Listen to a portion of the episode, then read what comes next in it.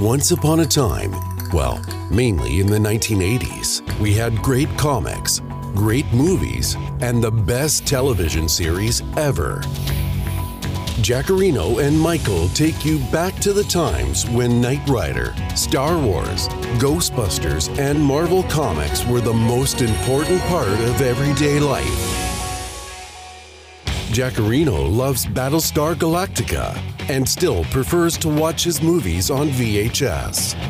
Michael is the author of the book My Buddy Spider Man Superheroes, Geeks, and Fan Culture, and believes Spider Man is the greatest character of all time. These two retro archaeologists bring you Retro Smash, or as the Incredible Hulk would say it, Retro Smash, a monthly podcast about everything geeky and retro. Because we will never be too old for this shit. So get into the DeLorean and let's go back to the past. En we zijn er gewoon. We zijn er weer. Hallo, hallo. Hallo allemaal. Is toch weer eh, geweldig. Hoe, hoe, eh, hoe was jouw week deze week, Michael? Nou, ik had maand nog een eigenlijk. bijzondere week. Ik had vandaag twee leuke dingen gezien eh, op YouTube. Die wil ik even melden. Ja. Ehm, er was één gast, een millennial van een jaar of twintig. Die had Batman's Tim Burton voor het eerst gekeken. Eh, Tim Burton's Batman, moet ik zeggen. Hè? Goedemorgen. En ehm, dat was heel leuk, want die heeft dan zo'n. ehm, eh, dan heb je klein in beeld, zie je hem. En dan zie je dus de stukjes van de film waar hij dan commentaar op geeft. En die gast was rete enthousiast. En het was bijna. Ik kon eindelijk weer de film een beetje door nieuwe ogen zien. Ook al heb ik hem al 70 keer gezien. Dus nog even een bruggetje naar de vorige uitzending. Dat was heel erg leuk. Daar werd ik heel erg enthousiast van. En wat ik ook. Ik heb een nieuwe andere YouTuber die eh, reageerde laatst op mijn Amerikaanse kanaal. Die heb ik vandaag een beetje uitgekeken wat hij allemaal had op zijn YouTube-kanaal. En die had zijn vader geïnterviewd. Want zijn vader was vroeger ook comicverzamelaar. Nou. Het is toch zo tof? Dit is, dit is, eh, en wat ook tof is, Michael. eh John zegt, eh, avondheren, dat zijn goede avond mannen. En op een gegeven moment zie je dat de, de stream van chat ook in het scherm komt. Mr. Q morgen. Eh, ja, want bij, bij hem is het nog, in Nieuw-Zeeland is het nog morgen. Sterker nog, het is daar winter zelfs. Hij loopt helemaal achter. En, Of en, ster- voor. en daar is het 1984, maar dat is ook onbekend. en, volgens, mij, volgens mij is de hele wereld inmiddels 1984. Ja, ik denk het wel. Ik denk het wel. Oh, Maaike, hi. Eh, en Marvin zegt, mannen, af wordt leuk man. De hele crew die komt eh, bij elkaar. Hmm. En je, bent, goed. je bent op vakantie geweest, Michael? Ja, net als jij. Ik ben eventjes eh, in eigen land eh, wezen benen strekken. Onder andere in Noord-Holland. En ik heb heerlijk eh, door, door, de, door de Rijp ge- gereden met de auto. Of ik heb me laten rijden dan. En er was in een van die dorpjes, in Groot Schermer heet dat, was een kabelbaan. Voor, eigenlijk voor kinderen, maar die waren er niet. Dus Linda en ik zijn allebei op de kabelbaan wezen roetje. Dat was echt zo tof. Nee, dat was echt helemaal te gek. En jij? Ja, ik ben met, met Maaike naar Overloon. Dus hebben we lekker een huisje was dat. Een zeer boeddhistisch huisje. Dus eh, eh, tenminste veel boeddha-beeldjes en, eh, en et cetera. Ehm, en ja, dat, dat was superleuk. En we hebben heel wat kringloopwinkels bezocht. Nou, daar een vlog over gemaakt. En, en dan, dan ben je zo besmet met de kringloopvirus dat ik dacht van wat is nou de grootste kringloop van, van Nederland? Dat is gewoon Marktplaats. En ik, zag, en ik zag jouw comic, eh, jouw vlog over Spider-Woman. Dat je die, eh, en eh, op een gegeven moment kwam ik in Oude Pekela kwam ik iemand tegen. Tenminste niet dat ik in Oude Pekela was. Maar op Marktplaats was iemand die woonde in Oude Pekela en die had een comicverzameling van heel veel Spider-Womans. Dus die heb ik besteld. Oh. Eh, ehm, en, maar ook heel veel dubbele. Dus ik denk dat ik je daar blij mee ga maken. Want ik heb gewoon een heel pakket besteld. Dus er zitten heel veel Spider-Womans bij.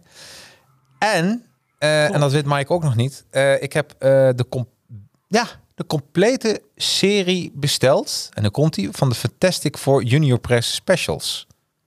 Oh, wat leuk. Ja, er was een, een man, eh, Lee. En die vindt Retro Smash ook leuk. En die had al even gekeken. En misschien kijkt hij vandaag wel mee. Dus superleuk. Dus die, die, eh, dus die komt, als het goed is, of die is vandaag al eh, aangekomen, dat pakket. Of die komt nog bij. Maar ik heb alles mooi dichtgelaten. Eh, ook de Spider-Womans, want er zaten nog meer boeken bij. En daar ga ik een vlogje over maken. Dus weet je precies welke er dadelijk nog over zijn. Wat leuk, wat goed. Ja, ik, ik ben nog vergeten te zeggen, ik had van de week bezoek van Koen van Dutch Comic Collection. Die kwam met een doos eh, Junior Press binnen. Dat is, uh, dat is altijd... Dat was heel lief van hem. En we hebben eh, samen pizza gegeten hier al. Want hij moest eigenlijk nog naar een andere afspraak. met de liet op zich wachten. Nou prima, nou eten we wat pizza. Dus ik ben een beetje dat aan het selecteren geweest. Maar hij had ze weer gekregen van iemand anders. En dat waren dus een paar dubbele. Dus het is zei van, kun jij er wat mee? Ik denk, ja natuurlijk. Ik moet er een beetje, ze moeten nog een beetje gelucht worden. Ze ruiken een klein beetje muf, kwam ik achter de, de, dag erna. Dus ik moet nog even kijken of ik daar iets aan kan doen. Aan, aan mufruikende boeken. Ja, wat je lach je. Maar je hebt natuurlijk eh, oude boeken en strips die ruiken. De tijd gaat erin zitten. Hè? Absoluut. En dus na 40 jaar ruiken die, dat papier ruikt wat, wat meer robuuster. Net als met bier en wijn eigenlijk. En dat, nou. is, dat is niet een erge geur. Maar soms ruik je ook de ruimte waarin iets heeft gestaan ruik je erbij. Dat is een tweede geur. En dat, ik, ik ben echt een beetje een parfum mens kennelijk als het om comics gaat. Dus ik denk van ja, even kijken of we daar iets aan kunnen doen. Dus ik ben een beetje aan het onderzoeken of ik dat kan oplossen misschien. En dan gaan ze gewoon in een aparte shortbox. Dan kan ik ze even gewoon lekker lezen. En het zijn fantastische props om te, mee te vloggen. Uh, maar dan gaan ze niet tussen de andere comics die dat niet hebben. Want ik weet niet zeker of het besmettelijk is of niet. Oeh, dus een hele, je, wil, je wilt het gaan ontmuffen. Ja, het moet even ontmuft worden. Sommige mensen moeten dat geestelijk heel erg. Maar ik moet af en toe mijn comics eventjes ontmuffen. Um, dames en heren, vandaag is het een, een spoilervolle uitzending. Dan weten jullie dat alvast. Dus, uh, dus want uh, we gaan het over He-Man hebben, maar ook over He-Man Revelation, hè, van de nieuwe Netflix-serie. Ja. En um, ik wil alvast mededelen, want dan heb ik dat alvast gedaan. Jacques, anders vergeet ik dat. Onze volgende uitzending is zaterdag 2 oktober op 11 uur s ochtends. Dat is de nieuwe uitzendtijd voor de mensen die het live willen kijken. En je wil natuurlijk van ons uiterlijk genieten, dat snap ik. En van uh, Jack Skeleton hier, die ik hier in de hoek heb zitten voor de kijkertjes die wel kijken. Die was zo alleen, een beetje aan het sikkeneuren. Ja. nou, weet je wat, kom er maar bij, gezellig. Maar, ehm, maar eigenlijk dus- komt dat, Michael, omdat wij een, uh, een jaar geleden belde ik jou van, heb je zin, zullen we dit gaan, samen gaan doen? Hadden we ook nog geen naam. We wisten dat we iets wilden gaan doen met podcast en livestream. Uh, leek je ook een leuk idee? Nou, zoals je naam Retro Smash, ook de Maaike, ontstaan. Uh, is een, een, alles daaraan gedaan. En het seizoen is voorbij. En we zeiden, we doen het één seizoen en kijken hoe het bevalt. Nou, bevalt ons alle twee heel erg goed. En de mensen denk ik ook. En zei, oké, maar wat gaan we veranderen? En uh, dus in plaats van de vrijdagavond wordt het een soort zaterdagochtend koffie dingetje. Eén keer per maand. Uh, uh, waar je lekker met je bakje koffie en je croissantjes en, en natuurlijk junior press onderbroek en je muffenboekjes kun je gewoon naar ons kijken. Dus ja, ik, even, even, ik zie trouwens dat Dutch Lines die zegt dus koffie werkt heel goed tegen muffenboekjes. Maar hoe dan? Want je kan niet de koffie erin gieten. Ik had wel gelezen dat, um, dat bepaalde zout, um, uh, Hupplepup salt, uh, dan ben ik even mijn aantekeningen kwijt. Maar dat schijnt, de mensen doen dus wel eens boeken in een plastic zak. En dan stoppen ze dat in dat zout. En dan dat trekt ook onttrekt vocht zeg maar uit, uit dingen. Maar dat is eigenlijk vooral als boekjes muf beginnen te ruiken omdat er een soort schimmel in zit. Dus soms zit dat dan in het papier. Ja. Maar, um, oh, dus wel een. Uh, en als je lavendel erbij doet dan? Gewoon lavendel overal sprenkelt over je collectie. Zou je dan niet lekker naar lavendel? Over je collectie. ik weet het niet. Misschien worden alle boekjes dan heel erg gay. Dat, zou, kunnen. nou ja, ik bedoel, uh, dat is helemaal in deze tijd. Even kijken. Dan heb ik ook nog. Uh, oh, dan zegt Marvin. Hij heeft ook wat oude comics die uh, gekocht van iemand die rookte. Dat is ook naar. Dat is ook naar. Ja. Oh, John Kong heeft, Kong, King heeft gezegd 2 oktober. Wat moet ik in die tussentijd met mijn leven doen? Hoe kom ik dan aan mijn dosis retro? Ik zou je vertellen, Michael die, die heeft natuurlijk elke dag een, een vlog. En Retro Smash heeft ook regelmatig een vlog. Dus uh, ik, ik denk dat iedere dag hebben we wel iets. Jawel, en, en, en, en, ja, en anders gewoon even een dagje pauze. Jeetje, jongens. Nee, maar het is, is wel mooi. Ik heb liever dat mensen. Ik, dit is natuurlijk het beste compliment wat je kan krijgen. Ja, het is absoluut waar.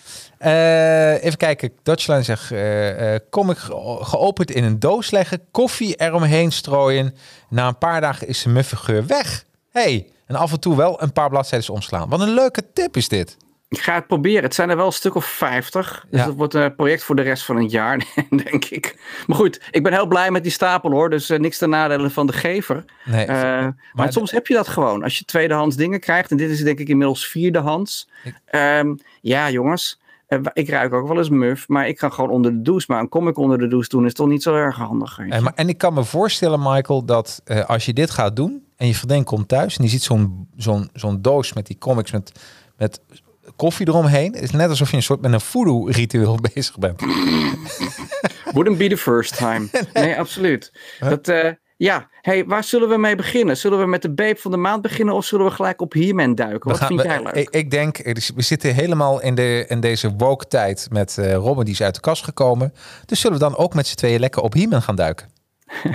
ja. Um, over Robin uit de kast wil ik het eigenlijk niet hebben vanavond. Maar ik ben gisteren benaderd door de Nieuwsbv. Dat is oh. een nieuwsprogramma op de radio. Of ik daar iets over wilde zeggen. Oh, en wat heb je gedaan?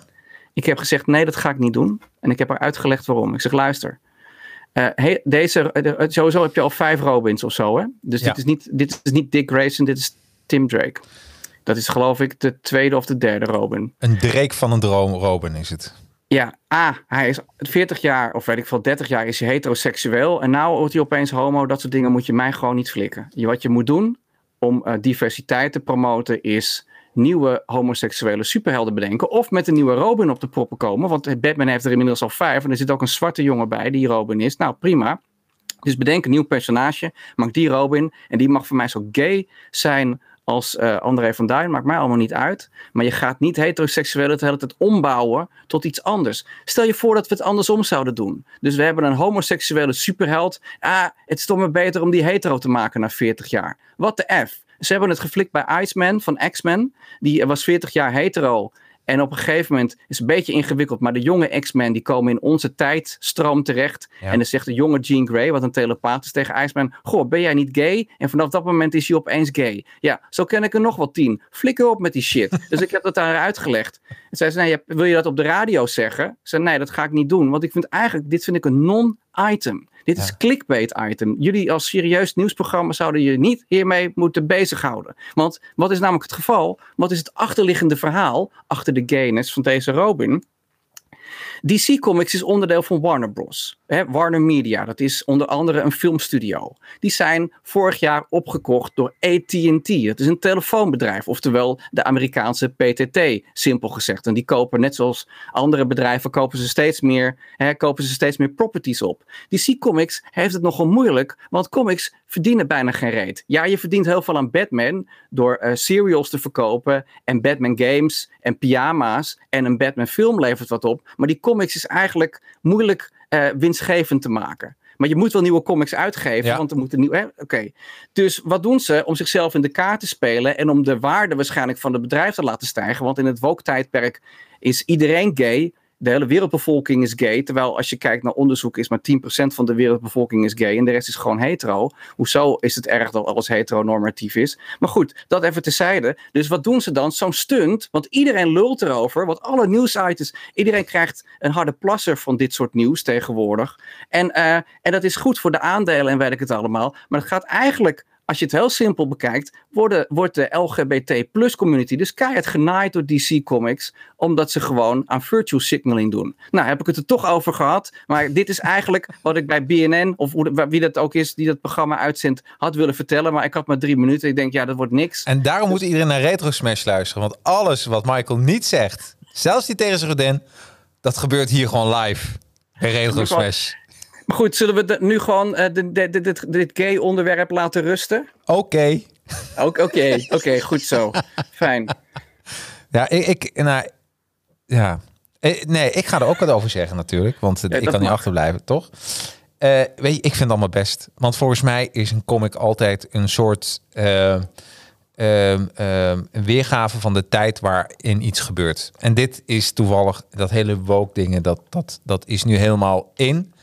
En ik moet ook zeggen, als, als maar één figuur, één figuur gay was in het hele superhelden-universum... Dan was Robin het wel. Was wel. Dus ik zeg, helemaal goed. Ja, ja, jij vindt het wel. Uh, Ach ja, joh, lekker belangrijk. Net wat jij zegt, is lekker belangrijk. En uh, wat, wat, wat ze eigenlijk gewoon moeten doen, is uh, als, als sommige gay worden. So, ik, ik ben wel voor, maar hetzelfde met Spider-Man, een donkere Spider-Man. Uh, maak niet opeens Peter Parker donker, maar verzin inderdaad gewoon een nieuw, nieuw figuur.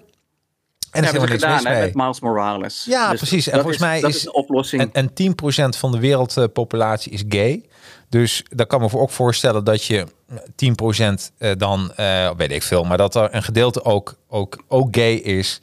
En dat, dat is helemaal prima. En, eh, misschien is het zo'n overgangsfase. En uit, uiteindelijk vindt dat ze weg wel. Ja, ik ga heel eventjes voor Mike Jack Skellington goed laten Ja. zien. Want dankjewel Mike, die zegt in de chat, wat heb je een mooie Jack Skellington. Deze heb ik gekocht in Londen bij Forbidden Planet ooit. En het is dus een, een buste, Ja. eigenlijk. Het is hem niet helemaal, maar het is hem ook niet echt natuurlijk. Het is ook maar een poppetje. Maar ehm, ja, ik vond dit zo tof. En ik koop eigenlijk nooit van dit soort shizzle. Hè? Dat weet je, Jacques. Ik ben, Ja. eh, de, alle poppetjes die ik heb, die zijn van vroeger. Maar dit vond ik zo tof. Ik denk, deze Jack, die moet bij mij op de plank. En ik vind hem echt, ik vind The Nightmare Before Christmas, vind ik een hele leuke film. Henry Selick heeft dit geregisseerd. Het is een idee van Tim Burton.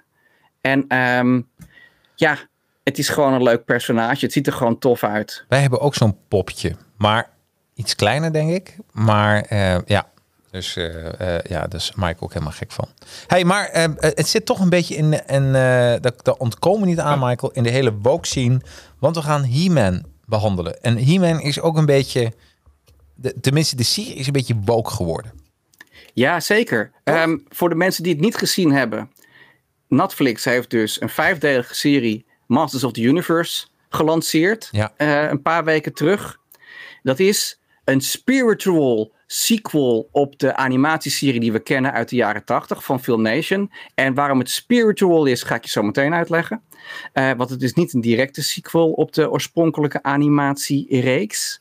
Ehm en eigenlijk heet het Masters of the Universe, want het gaat niet over He-Man. Waar eigenlijk zien we, ik, ik heb gezegd spoiler alert, dus iedereen die het niet heeft gehoord, nog één keer spoiler alert. Absoluut. Een spoiler is dat Michael inderdaad eh, dingen gaat vertellen wat, eh, wat hij spoilt. Ja, ja gewoon, ik ga gewoon zeggen, He-Man wordt vermoord in het eerste aflevering. Absoluut. Ja. Ja, en dan neemt Tila het over. Dat is een van de Masters of the Universe. Het is eigenlijk een beetje eh, de beste vriendin van Prince Adam. Wat de het alter ego is van He-Man.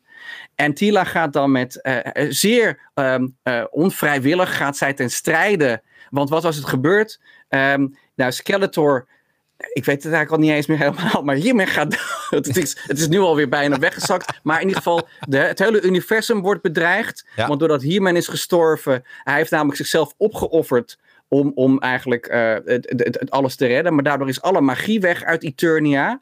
En He-Man is ook een magische figuur. En Orko bijvoorbeeld ook, het vliegerende tovenaartje. En omdat alle magie weg is uit Eternia, dat is de planeet waar dit zich alles afspeelt, zal het hele universum gaan verdwijnen. En Tila die denkt dan, fuck you motherfucker, je hebt tegen me gelogen. Ik ga helemaal niet de boel redden, ik ga gewoon met mijn zwarte vriendin lekker premie jagen. Want Tila is echt een achterlijke idioot in deze serie. Maar goed, ik loop op de feiten vooruit. Dat is heel erg jammer. Ehm, dus eigenlijk is Tila de main character tot het einde. Dan komt eh He-Man weer terug, soort van, uit het hiernamaals. En ehm, ja, en dat is dus He-Man Revelation. De Revelation is dus eigenlijk dat Kevin Smith, waar ik nu een t-shirt van aan heb, van Mallrats, want die was de showrunner en die heeft de eerste aflevering geschreven, gewoon zich niet mee moet bemoeien met Masters of the Universe. Dat is de Revelation van Masters of the Universe Revelation. Nou, en ik, ik zou vertellen, maar ik heb er echt 100% van genoten. Ja, ik wist dat je dat Ja, ging zeggen. ja, ik- ik, ik- wist het. Ik Ja, wist het. Ik Wij zeiden ook tegen elkaar, dat is zo leuk. We, zeiden, we gaan nog niet vertellen wat we ervan vinden. Tenminste, ik. ik, ik zei, dat houdt nog even spannend. Maar eh, ja, ik heb er echt van... En de reden is, ik heb eh eergisteren nog even de Masters of Universe film gekeken met Dolph Lundgren. Trouwens, eh, die, weet je, er waren budgettaire dingen. En natuurlijk is het allemaal nog niet zo ver zoals het nu is, hè. Toen die film uitkwam. Maar Dolph Lundgren was wel een goede He-Man, hè? Ja, vind, Vind je hij had het live ervoor. Ja. En het haar. En het haar. Dus ja. dan ben je al voor de helft klaar. Ehm, ja, Ja, ja, nee, maar hij deed het echt leuk. En, eh, en eh, Tila was ook een beetje een, eh, een beetje mo- moeilijk kijkende vrouw de hele tijd. Dus dat vond ik ook heel leuk. Evelyn, ook ontzettend goed gespeeld. Dus de characters waren heel leuk. Alleen ja, de special effects, daar moet je even doorheen prikken. En ze hadden natuurlijk geen geld voor bepaalde characters. Zoals, zoals de, de, de, de, de, de, de, de draagpoes van He-Man. Daar was geen geld voor, dus daar hebben ze maar een lelijke dwerg ervoor in de plaats eh, eh, gedaan. Dus, maar goed, weet je, eh, ik, ik heb er echt van genoten, van, van, daarvan, van de tekenfilm. En, en daarna heb ik ook nog even op jou aanraden, heb ik nog wat oude YouTube He-Man filmpjes gekeken. En daar vond ik gewoon niet meer door te komen. En dat kwam ook omdat het natuurlijk ook vrij, ja, vrij basic is opgebouwd. En je krijgt altijd aan het einde een goede tip van He-Man wat ik moet doen. Hè? Dat, ik, eh, dat eh, vriendschap belangrijk is en dat ik voor het slapen gaan mijn tanden moet poetsen. Maar dat is, zijn, dat, dat, dat is helaas, was dat is in Amerika verplicht. Ja, Dus- 100 Maar dat maakte wel He-Man eh, dat we daarna mochten kijken van onze ouders. Want het was toch een beetje opvoedkundig. ja, Maar, ja. maar, maar dus ik, eh, ik heb ervan. En waarom heb ik. En, waar, en ik zou je vertellen waarom ik het zo goed vind dat ze He-Man hebben gekild. In de eerste twee afleveringen of zoiets. Nou, het was heel snel, in hè? de eerste. In de eerste aflevering, ja. eerste. Perfect. Nou, maar wat ik nou zo goed vond daarvan. eh, want ehm, volgens mij, eh, tenminste zo kwam bij mij over, is dat He-Man is zo dominerende personage. De rest doet altijd wel een beetje mee, maar hij is gewoon. En wat ik nu zo mooi vond, is dat He-Man werd gekild en, en Skeletor ook. En alle randpersonages die hadden opeens de hoofdrol. En daardoor leerde je Eternia heel goed kennen. Je leerde de, hoofdpers de, de, de andere personages heel goed kennen. Je, leerde ook nog wat er nog achter zit. Je leerde ook nog de Grayskull. Die werd nog even in beeld gebracht, wie dat precies was. En eh nou, een van de eerste, eh, eh, ja, de, de, de, de mannen die echt magie hadden en het zwaard vast hadden. En dat vond ik echt heel goed bedacht. En na de hand komen ze hiermee dus tegen in de hemel. Hoe heet dat nog eens bij, eh, weet je het nog, de term voor? Ja, het Preturnia. volgens mij. Br- Briljant bedacht, Preturnia, pretend, Preturnia. En eh, daar komen ze hem tegen en uiteindelijk eh, beslist Adam, want hij is geen He-Man, hij is als enige heeft hij gekozen om zijn, om zijn normale aardse leven, lijf, een voorkeur te laten genieten dan een soort Olympische spiermassa. De rest Ja. heeft dat wel allemaal. En dan gaan ze weer terug. Eh, eh, daarbij was het shirtje van Adam was woker in 1984 dan nu. Nu was hij een stukje paarser. Dus toch wel wat mannelijker. En dan gaan ze weer terug. En, eh, en helemaal aan het einde wordt, dan weet je, dan, wordt, dan gebeurt er nog wat. En daar komt er een seizoen 2. Maar daarom, ik heb er echt van genoten. Want ik dacht van, wauw, wat, wat, wat, goed dat ze, dat, ze de, dat ze nou eens een keer die personages boven diepen, naar boven halen. Eh, eh, ja, dus daarom heb ik er wel van. Ik vond een hele slimme keuze. Nou kijk, ik ben het deels met je eens. Ik, ik vond het ook niet super, super slecht, hè? Laat ik dat voorop stellen. Want ik zijn ook bepaalde punten die ik er goed aan vond. Bijvoorbeeld, ik vond de animatiestijl, heb ik niet over hoe de characters eruit zien, maar de animatiestijl vond ik goed. Was goed geanimeerd. De eerste aflevering was goed. joh, absoluut. Het, het, het feit dat Skeletor uiteindelijk de winnaar is van dit gedeelte, dat vond ik leuk. Ehm, en op zich zou ik het ook helemaal niet erg vinden als we zeggen we maken een serie over Tila en haar Band of Brothers. Maar, maar, nee, dat moet ik eventjes, dat moet ik eventjes uitleggen. Wat ik stom vind, is als je, naar de, als je kijkt naar de marketingcampagne van deze serie, en dat zal jou aanspreken als eh, marketingman, is dat de trailer die laat zien, we gaan een serie krijgen over He-Man. Maar dat is niet zo, want Nee. hij heeft echt, hij, zoals je zegt, de bijpersonages worden de hoofdpersonages. Ja, Oké, dat noemen we false advertising of bait and switch, zoals dat zo mooi heet hè, in de marketing. eh bait and switch is eigenlijk, je, je belooft eigenlijk product A, maar als de mensen dan in de winkel komen voor de actie, dan is product A uitverkocht en dan smeer je ze pro- pro- product B aan. Nou, Ja. als je dus zegt, we gaan een serie maken over He-Man, maar het gaat niet over He-Man, dan ben je een lul. Dan ben je gewoon een bait and switch aan het doen. En waarom doen ze dat nou? Vraag je je af. Want wie is nou zo dom om, ehm, om eh, eh, een DeLorean te beloven, maar met een DAFje aan te komen? Wie is nou zo dom bij Netflix om op die manier de marketing te doen? Ik denk dat ze dus expres doen. Inmiddels weten ze, als je een bestaande property hebt, dan heb je daar bepaalde verwachtingen worden gecreëerd bij de fans van vroeger onder andere. Zou je denken, daar wordt ook zo'n serie voor gemaakt. Dit geldt ook trouwens voor Star Wars en andere franchises die we in de afgelopen jaar verkracht hebben zien worden eh, door Hollywood. En dat dus, dus, dus, dus, de, dus bedoeling dus dat je zo'n trailer hebt en dat je denkt van, ah, het gaat over He-Man. En het gaat niet over He-Man, dat dus een deel van het publiek pissed off is, daar vlogs over maakt, daarover twittert, daarover Instagram over onderkotst. Want zo doen ze tegenwoordig, brengen ze dingen aan de man. In, in het medialandschap waarin er overprikkeldheid is en zo verschrikkelijk veel aanbod, kunnen ze alleen nog maar een shit aan te prijzen door het ook daadwerkelijk shit te maken. En dat is, het, want dan ruik je dat luchtje tenminste. En ik denk dat is zo eigenlijk domme manier van dingen verkopen. Eigenlijk heb ik dan het idee, ze hebben er helemaal geen vertrouwen in. Maar ze veroorzaken zo'n wolk van verontwaardiging. En dan gaat de actrice van Tila, die actrice, die heeft Tila ingesproken, ook nog zeggen. Ja, al die oude fanboys, dat zijn allemaal man-babies. En je hebt dus ook, dat is helemaal grappig. Je hebt dus ook mensen van die wokies, die gaan dan ook. Dit speelt zich dan deels af op Twitter, heb ik vernomen, want ik zit daar zelf niet op. En op andere plekken op asociale media. En die gaan dan. Oh, look at those crybabies cry because it's not about him. hoe leeg is je leven dan? Als je dat nodig hebt om de dag door te komen. Het ongeluk van anderen. Dan ben je echt een kut. Klaar. Dus, dat, dus dat, dat hele marketingcampagne, dat vind ik echt. Kijk, als je namelijk van tevoren had gezegd: we gaan met Masters of the Universe aan de slag. En we doen Tila als hoofdrol, want we hebben interessante dingen over haar te vertellen. Dan denk ik: oké, tof, gaan we met Tila aan de slag. Hiermen gaat op vakantie met Skeletor. Die gaan lekker met een gay bar naar, naar, met, met, met elkaar bezoeken of zo. Kan allemaal schelen. Dat is allemaal goed.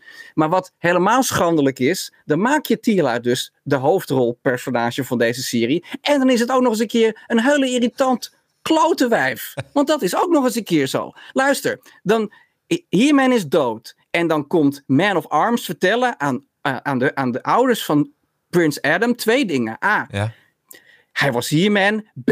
Je zoon is dood. Hoe heftig is dat? Ja, je, de, de, de troonopvolger is dood. En wat zegt Tila? Jullie krijgen maar de tiering, want zij heeft tegen me gelogen. Nu ga ik weg. Nou, en, en dan ook, ja, maar het universum vergaat, we hebben je nodig. Ja, bekijk het maar. Ik ga lekker met mijn vriendin uh, bounty hunten, met een bounty. Doei! nou ja, en, en de hele serie is er echt, iedereen moet er erbij slepen. Ik heb nog nooit zo'n reluctant hero gezien als deze doos. Echt. En ik denk, doe dat dan, maak er dan tof. Maak Tila gewoon een tof personage. Zij heeft al raar haar. Maakt niet uit. Dat kan. Ze ziet er eigenlijk al uit als een transman die bij de Olympische Spelen alle andere normale vrouwen eruit rent. Wat we in de afgelopen weken hebben gezien. Dat is helemaal hilarisch, uh, vind ik. Maar goed, doe het dan goed. Doe gewoon iets goeds in plaats van ons middelmatige liflafjes voor te schotelen. Die, die ook nog eens een keer omgebouwd zijn. Fuck op met die shit. Ja, nee, jij bent er dus niet meer. Maar is het dan uh, een verhaal technisch of uh, dat de belofte niet goed is waargemaakt? Twee dingen. Dat is dus A. Je, je kan, je, waarom, wat niemand heeft een bezwaar tegen vrouwen in de hoofdrol. Als je het maar goed doet. Maar ze hebben het met Ghostbusters verneukt. Dat waren vier dozen met hele. Nou, er zat niet eens humor in die film. Tenminste, niet wat ik beschouw als humor. Um, en, en, en je moet gewoon beloven. Je krijgt een Ferrari. Dan wil ik ook een Ferrari. Klaar. Dat is zo simpel is het. Het is niet zo moeilijk. En dan heb je en de oude fans heb je mee, want die denken, nou tof, eh, ik heb hier mijn poppetje ook wel. Breng een leuk een Tila poppetje uit, dan kopen we die ook. Prima, action figure, allemaal leuk. Maar nee, ze doen het iedere keer. En ik heb dus het idee dat het feit, het feit wat ik dus nu doe, dat ik een beetje grof gebekt tekeer ga hier al. Als een man baby, zoals sommige mensen zeggen. Kijk, ik ben helemaal niet zo erg verontwaardigd. Want hiermee gaat me niet zo aan het hart als bijvoorbeeld Spider-Man. Maar ik vind wel, ik vind het belangrijk dat mensen zoals jij en ik die een podcast hebben, die in de media uh, een rol spelen, dat we de bullshit blootleggen. Dus we leggen het mechanisme bloot waar mensen, wat heel veel mensen die, die raken onbewust gedrag, die raken dus in een rage en die snappen eigenlijk niet eens meer op een gegeven moment waarom ze lopen te schreeuwen. Nou, die zijn gewoon zwaar teleurgesteld. Ah, kijk, als je kijkt naar global warming en Masters uh, of the Universe Revelation, denk ik, oké, het is belangrijker om je druk te maken over global warming dan over zo'n lullige serie van Netflix. Want eigenlijk is het much ado about nothing. Net zo goed als dat een gay Robin, moet je het eigenlijk helemaal niet over hebben. Het is gewoon gelul in de ruimte. Ga lekker een Junior Press comic lezen met je kopje koffie erbij en alles is weer goed. Of ga lekker met Maaike wandelen in het bos wat jij hebt gedaan. Helemaal goed. Ja, Zo. ja nee, voor, voor, jou, dit is ook een soort therapie, moet ik even zeggen. Hè? Want je bent het dadelijk weer kwijt. Voor een, voor een tijdje, denk ik. Gewoon even dat je die rage even van He-Man... Uh, maar toch, eh, ik vraag me af... Ik zelf heb er echt ontzettend, maar ook echt ontzettend van genoten. Jij stoorde je dus niet aan Tila? Nee, nee, totaal niet. Omdat ik kijk er ook naar als een cartoon. Weet je wel, het is niet een een, eh, dat, het, dat mij iets wordt voorgeschoteld wat realistisch is. Dus Eternia is een, een, een fantasiewereld. En, eh, en ik dacht wel van, ja, hoe kunnen ze mij nou nog prikkelen dat ik blijf kijken?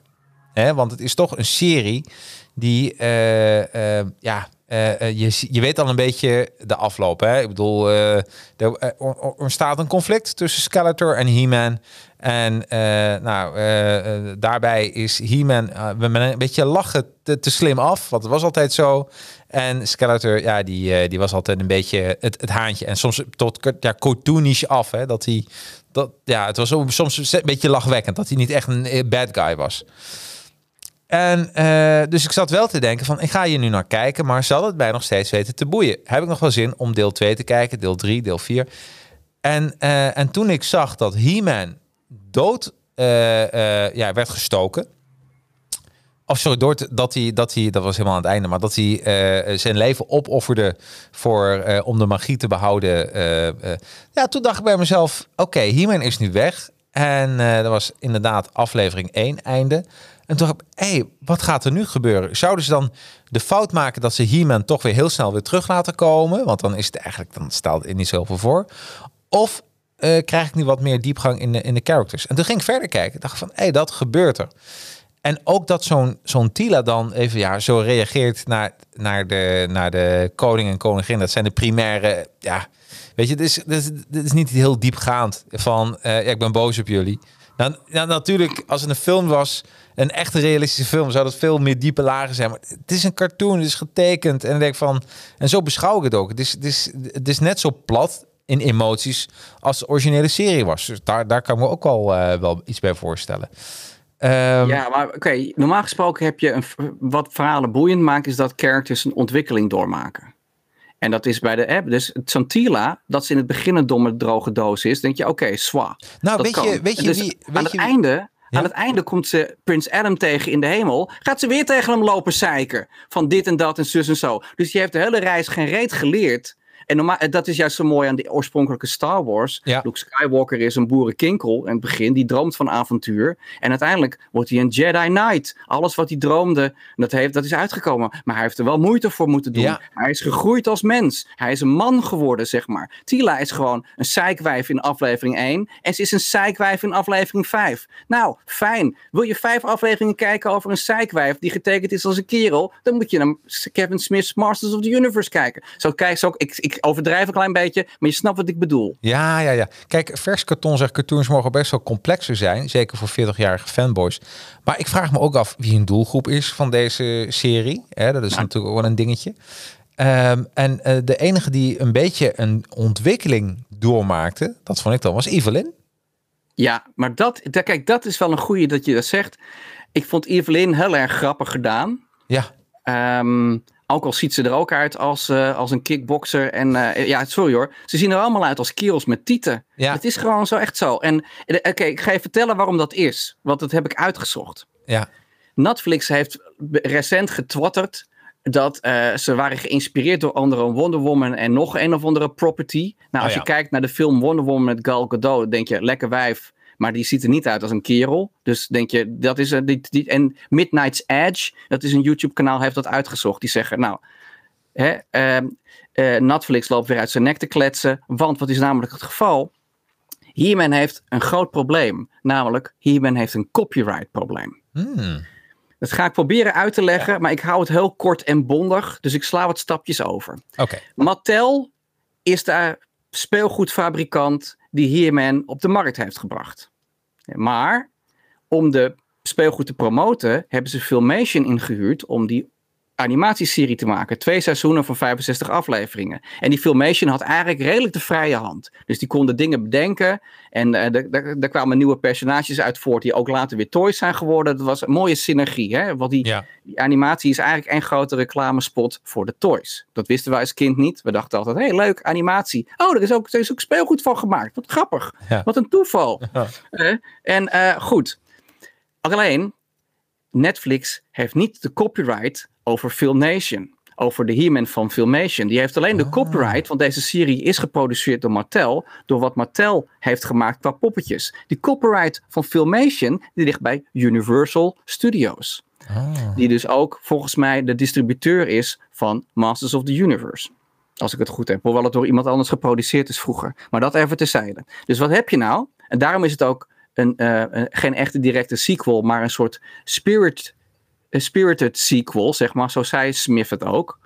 Dat je dus... De He-Man moet dus niet zijn zoals Filmation. Dan heb je een probleem, want al de poppetjes van Ma- Mattel, die lijken op He-Man uit Filmation. Want Ja. nogmaals, die animatiereeks is gemaakt om die poppetjes te verkopen.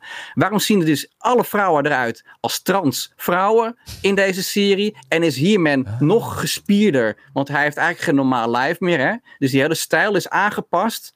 En daarom zie je ook dat het Beastman bijvoorbeeld in de eerste afleveringen nog een beetje klassiek uitziet. En in alle andere afleveringen is het uiterlijk aangepast van Beastman Ja, ja, ja. en andere personages. Dat heeft dus alles te maken met copyrights. Ah. En het wordt nog sappiger, want in 2023, wanneer we de eh, variant Z hebben van COVID zo'n beetje, en nog steeds allemaal niet buiten zijn geweest, als we Hugo de Jonge mogen geloven, ehm, dan, dan verlopen die rechten van Mattel, die verlopen ook. Dus Mattel kan dan ook nooit meer toys uitbrengen van fucking He-Man Oh. zonder een licentie af te nemen bij Universal. Dus ze zijn nu als een gek toys op de markt aan het uitbrengen van deze Revelation shit. Om nog even te cashen op He-Man. Dus hoe dom ben je als bedrijf dat je een briljant concept creëert en dat verkoop je aan een ander bedrijf en dan mag je er niet meer aan zitten. Oh jongen, dus, eh, maar dat betekent, dit heeft dus ook wel ehm, consequenties voor eh, He-Man op Netflix seizoen 2, seizoen 3, seizoen 4.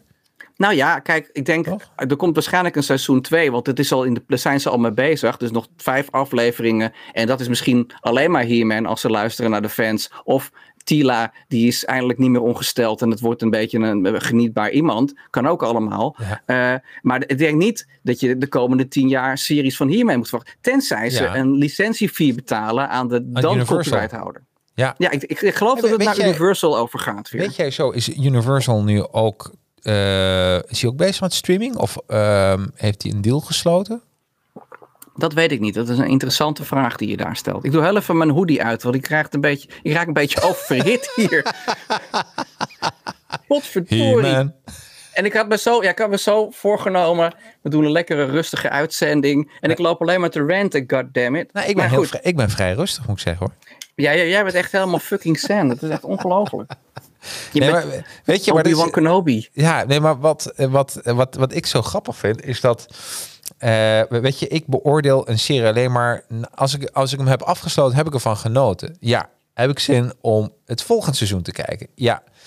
En, en misschien komt het ook wel, weet je, ik, ik met mijn achtergrond, ik heb altijd met creatieven te maken. En, en altijd mensen die, als ik zeg, nou, misschien moeten we links gaan, dan komen ze met iets wat, wat totaal anders is wat ik heb gebriefd. Eh, maar wat ook briljant is. En wat ik een beetje, eh, eh, misschien is dat, ik laat altijd wat dingen los. Ik denk van, oké, maar dit, dit is ook goed. Dit is alles wat ik verwacht had. Maar, eh, eh, en, eh, en dan gun ik iemand die een creatief proces doormaakt, gun ik dan, die, hij is er wel zijn beste voor gemaakt, Kevin Smith. Hij heeft zich er niet met een Jantje van Leiden van afgemaakt. Het ziet er mooi uit. Alleen, je kan je afvragen, ben je eens met de storyline hè, die hij heeft, heeft gemaakt? Nou, op zich, er zitten goede dingen in. Ja, daarom. Dus, en dan, en Dus- dan is het, dan is een, een, een creatief beslissing van zo'n producent en een regisseur. En wel met liefde, denk ik. Wel met liefde voor de oude comic. Dat, dat denk ik echt. Eh, alleen, eh, ja, er worden wat beslissingen gemaakt in die storytelling. En, en je weet pas hoe fans erop gaan reageren als je het uitzendt. En dan is het ook een soort massa dingetje. Jawel, maar je weet wel dat als je, wat ik al zei, als je een Ferrari belooft van de Nee, Ferrari-fans en je komt met een DAF aankakken, Absoluut. dat de fans niet nee, blij nee, zijn. Nee, nee, en dat kan. Wat ze beter hadden kunnen doen, Michael, dat denk ik echt. Of de verwachtingen goed managen. Gewoon, eh, eh, waarom niet? Ja. Of dat ze de twee seizoenen, eh, niet twee seizoenen daarvan hadden moeten maken. Niet vijf afleveringen, maar gewoon in één keer tien afleveringen waar het hele verhaal wordt verteld. Hè? Waardoor je dan die verwachtingen wel weer managt. Dus daar ben ik met je eens. Dat, dat, dat, daar, dat is het. ja, ja. Wat John zegt, geen onbeperkte creativiteit, maar creativiteit binnen de marges. Dat absoluut. Ik denk een beetje eh, dat iemand voor Dukstad wat mag, mag, mag bedenken. Maar dat, dat, eh, Disney moet nog steeds akkoord geven. En dat zal voor He-Man ook zijn. Het moet wel binnen de marges blijven. Daar ben ik helemaal mee eens. Het is niet een, iets heel nieuws. Maar oké, Nee, dus, ik we, kregen een vraag wat ik voor t-shirt aan had. Ik laat hem nog één keer zien. Dit Ja. is toen Mallrats, de film Mallrats 20 jaar bestond. Is deze tissue, dit, dit, t-shirt is toen geissued, zeg maar, ja, uitgebracht. mooi, met Kevin Smith. Nou ja, het- kijk, ik, Silent ik, Bob. ja, ik hou van Kevin Smith tot een bepaalde, tot een bepaalde hoogte, zeg maar. Eh, ik, ik hou van zijn oudere films. Ik kan erg, ik vind Clerks 2 is een van de beste films over mannenvriendschappen ooit gemaakt. En eh, ik heb geleerd wat interspecies erotica ah, is. Dat wist ik ook niet. Dus het is ook nog eens een keer educatief verantwoord, die film, tot op zekere hoogte. Ehm, Kevin Smith is altijd een held voor mij geweest. Sterker nog, ik ben twee keer naar het buitenland gereisd. Eén keer naar Londen en één keer naar Edinburgh. Om de man live te zien spreken. Samen met mijn maatje Paul. Eh, zo grote fans zijn Ja, wij van hem. Mooi. Maar, Bud. ja. Kevin Smith speelde vroeger Silent Bob. En Silent Bob en Jay die staan altijd bij de quickstop buiten wiet en, eh, te, te dealen. Hè? Hars en wiet te dealen. Alleen, Kevin Smith heeft die rol nu heel erg gemethod acted. Want hij is dus, hij staat op, dan steekt hij een joint aan. En die rookt hij de hele dag dat hij naar bed gaat. Nee, dat heeft hij zelf gezegd. En daar is hij nog trots op ook. Ja, Dus ik, en ik, je kan het zien aan zijn stijl, aan zijn filmstijl. Humor is een kwestie van timing. ja. Je hebt een grap, dan snij je de hoogtepunt van de scène, snij je weg, heb je de volgende scène. Als je een goede filmmaker bent. Dat deed hij vroeger. Maar nu, omdat hij stoned is, is hij niet meer zo kritisch. En dingen gaan maar door en gaan maar door. En daardoor wordt de grap veel minder goed. Hij verzint af en toe briljante dingen. Yoga Hosters is een hele grappige film waarin. ehm, ja, moet je dat zeggen? Knakworstjes in lederhozen, mini-knakworstjes in lederhozen rondlopen. En die wonderbaar roepen en dan eh, moordlustig zijn. Je moet het maar bedenken. Dus stoned zijn is ook nog wel ergens goed voor. Ehm, en dat is, ik denk dat iemand dat bedenkt en daar een film over maakt. Kudos. Maar dan moet hij eigenlijk op de set moet hij nuchter zijn in- de montageruimte. En dan kan hij ze de, de boel een beetje bij. Dus hij. En ik denk dat bij hiermee dat het ook een beetje, een beetje het geval is geweest. Dat hij gewoon. Ja, volgens mij is het gewoon een paycheck voor hem. Ja. ja, dus eigenlijk zeg jij, eh, volgens jou Ja. ehm, ehm, heeft, Volgens- hij, heeft hij eh, deze film eh, met, eh, met een joint tussen zijn lippen eh, zitten maken, produceren, schrijven en editen. Ja, plus Netflix heeft een agenda. Zoals elk mediabedrijf een agenda heeft. Netflix heeft 100 miljoen dollar betaald aan een stuurgroep. Die heeft gekeken naar de programma's van Netflix. Of er genoeg diversiteit was. Voor de camera en achter de camera. Dus je betaalt 100 miljoen dollar, die je beter kunt besteden volgens mij aan de budgetten van je programma's. Maar goed, zwak. Kennelijk zijn het soort Dagobert Ducks en zwemmen ze in het geld daar bij Netflix om op het matje geroepen te worden door je eigen stuurgroep dat het niet divers genoeg is en al dat soort gelul. Weet je waar dat naar klinkt? Jij hebt een winkel en dan komen er van die mannetjes van die maffia langs en die zegt van ja, er is veel geweld in de wijk, maar een beetje diskevet moet je je voorstellen nu. Michiel Romein, toevallig heb ik dat van de week gezien. Ja, er is veel geweld in de wijk, maar ja, als je ons gewoon eh 50% van je kassa geeft, dan zorgen wij dat je winkel protected is. Met andere woorden, dan trappen we je winkel niet in elkaar, want wij zijn van het geweld. Begrijp je wel? Dus ehm, die stuurgroep is gewoon de fucking maffia volgens mij. Die dan, en, en dat is dus wat er nu gebeurt, omdat ze altijd maar goed op schoon op het matje willen. En alle aandeelhouders die geilen op diversiteit en op alle andere woke thema's die de wereld nu lijken schijnen te drijven. Ja. Eh, die allemaal veel belangrijker zijn dan groene stroom en weet ik het allemaal. Ehm, dus ik denk dat Kevin Smith ook geketend is doordat hij een lijstje heeft gekregen van wel dit, wel dat. Want bijvoorbeeld eh Grayskull, die, die, een van de eerdere champions die we zien, voor, die zien we niet voor het eerst, maar in deze serie dan, eh, ik zag hem wel voor het eerst. Nou, die was vroeger blank, maar die heeft heel lang onder de zonnebank gelegen en nou is hij zwart Ja, oh, in, ja. deze, in deze versie. Dit, dit was ook de eerste keer dat ik hem zag. Ja, maar hij was dus, het was dus een blanke man. Maar ja, Ah. hiermee is ook al blank. Ja, dan halen we ons quotum niet. Dus, eh ja, ja. huppakee. wat Terwijl je- ik denk wat- van, eh, wat ja, Orko komt ook niet van deze planeet. Dat is er ook diversiteit, of niet? Eh, wat je nu zegt, ik ben de laatste tijd verslaafd aan iedere dag onder het eten samen met Mike. Kijken we even de slimste mens. Leuk trouwens, Mm. slimste mens. En daar hadden ze het, Maarten van Rossum had het er ook over, dat bij NPO bestaat het gewoon echt. Hè, dat ze, die houden een lijstje bij met eh, vrouwen, met eh, eh, mensen met een getinte huidskleur.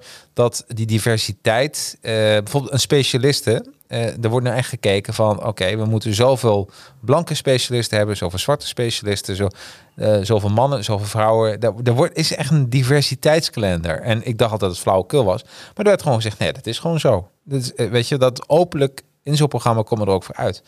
Ja. ja. En zo'n ja. ik vraag me af, uh, Michael, uh, want alles is natuurlijk uh, opeens een trend. En deze trend duurt al een tijdje.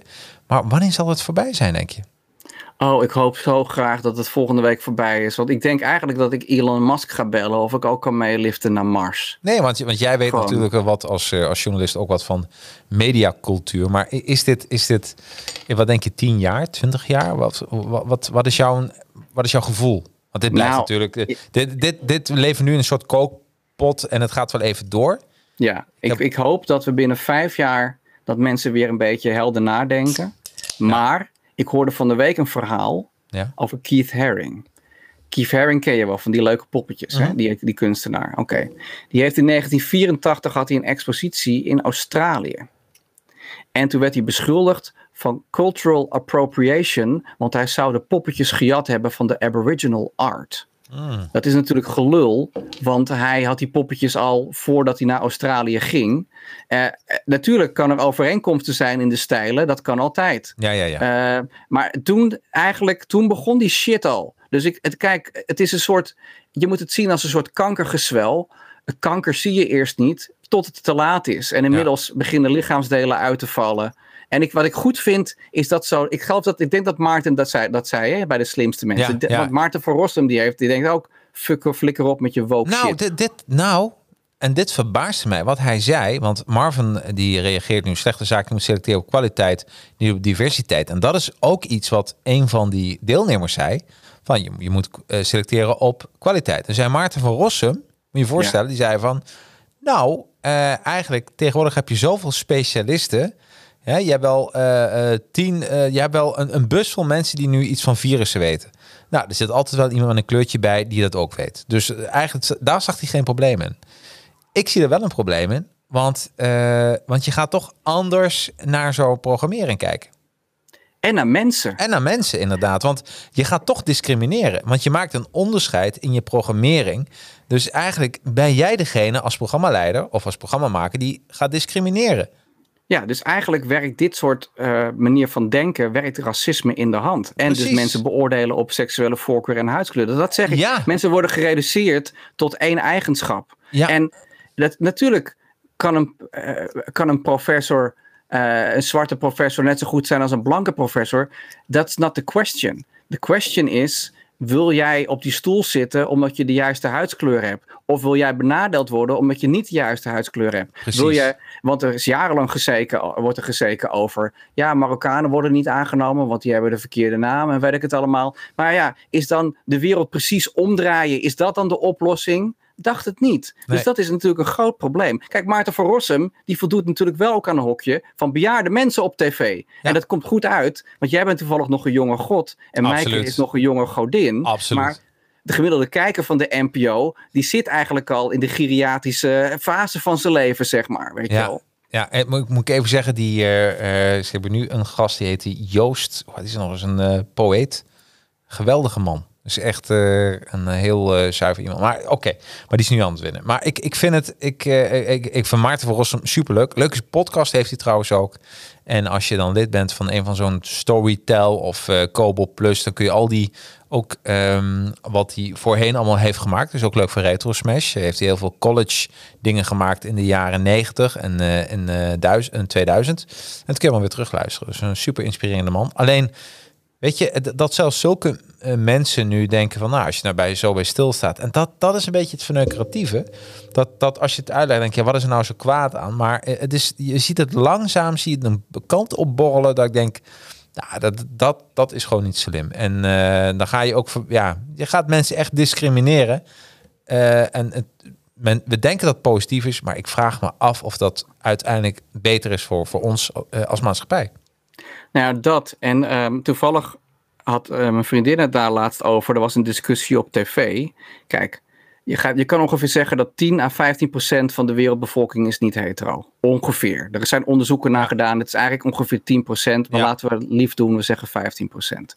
Moet betekent dat dan dat alles in alle programma's, in alle geledingen, in alle bedrijven dan 15 procent dan ook niet hetero moet zijn? Kijk bijvoorbeeld naar het voetbal. Er zitten sommige voetballers zitten in de kast.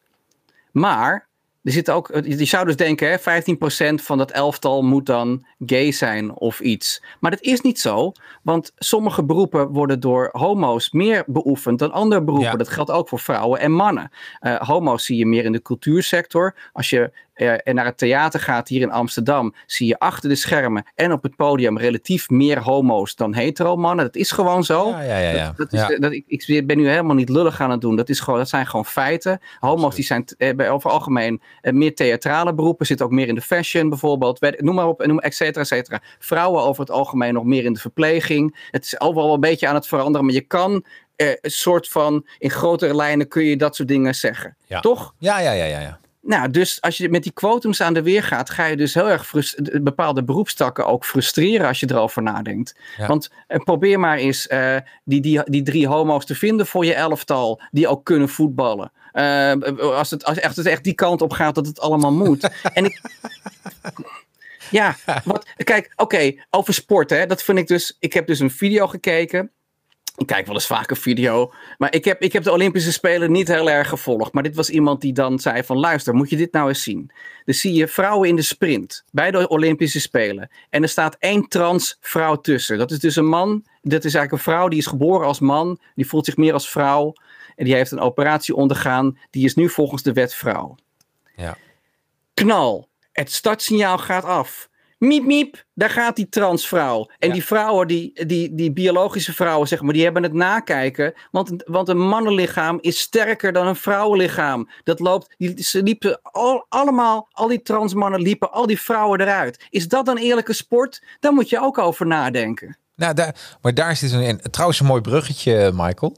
Ja. Eh, Mr. Q zegt 50% van Retro Smash moet besteed worden aan de B van de maat. Zeg ik even de snelle rekenaars onder ons. 90 minuten. Eh, dat betekent in dit geval dat we 9 plus, nou dat we een kwartiertje, hè, toch, zoiets, eh, mogen besteden. aan- nee, nee, nee, nee, nee, 12 minuten of zoiets. 12, 11 à Jezus. 12 minuten mogen besteden aan de B van de maand. Dat gaan we gaan met alle plezier doen, want hier is ze. En deze Ja. maakt dan even wat groter. Maak er even groter. Ja, plaats er even op. groter. Je ziet daar nog steeds, hè? Ik ga nu bewegen. Ja, maar een fotootje ook uitklimpen, denk ik. Dan kunnen we iets meer, iets in een bikini of zo. Even kijken. Ja, Kijk. dit, vind je dit mooi? Even kijken. Zie je wat? Ik zie wat. Ja, oké. Dus eh, Voor Ja. de luisteraars thuis, het is Margot Robbie. Margot Robbie inderdaad. Die heeft geen reet te maken met He-Man. eh, maar Jacarino wilde haar graag. Dus Jacques, vertel eens, wat, wat trok je haar zo aan in Margot, jou zo aan in Margot Ja, Robbie? nou, dat komt. Ik heb eh, de van Dark Dragon Comics heb ik Harley eh, Harley Quinn, Harley Quinn Ja? heb ik eh, gekocht. En eh, die is natuurlijk helemaal eh, ja, gemaakt, gemodelleerd naar Margot Robbie. En ja, ik vind het, ik vind haar, ze doet het ontzettend goed in de film. Ehm, maar eh, ehm, ja, het, ik eigenlijk, ik vond het niet echt een. we hadden Courtney Cox al besproken van als B van de maand, want zij was natuurlijk een van de hoofdpersonages in He-Man de film. Ja. Nou, Evelyn is nou eh, ja, een beetje te oud geworden daarvoor. En ik weet niet of dat, dat ja. De, en, en toen dachten we, nou, weet je, hiermee slaan we even over als het gaat om een, eh, als een vrouw die wij eh Beep van de Maand kunnen doen. Want ik vind het wel een serieuze bezigheid. Daar moet je niet te licht over nadenken. Ja, en toen dacht ik van, had, ik- had ik met jou erover, nou, oké, maar ik heb nou ehm, eh, natuurlijk Harley Quinn gelezen. Waar, Ja. waar gewoon op bijna iedere pagina zie je Margot Robbie eh, erin staan. Eh, niet echt, maar daar is ze wel op gemodelleerd. En toen dacht ik, ja, het is een fantastisch mooie vrouw natuurlijk. Ja, ja, dat ze is bijna te mooi. Ze is bijna een computersimulatie als je haar in beeld ziet bewegen. Daarover gesproken, ik denk nog steeds dat jij ook een computersimulatie bent. En jij denkt dat misschien ook wel van mij. En volgende week gaat er, gaat er iets heel speciaals gebeuren. Ja, ik weet het. Ga jij het vertellen? Ja, eh, nou, ik, ga, ik, het, ik maak het hoog, heugelijke nieuws dan. eh, dan eh. Want eh, eh, na een, een jaar of zo, eh, we kennen elkaar nu anderhalf jaar, zien we elkaar voor het eerst. Volgende week zaterdag rij ik met de trein naar Amsterdam.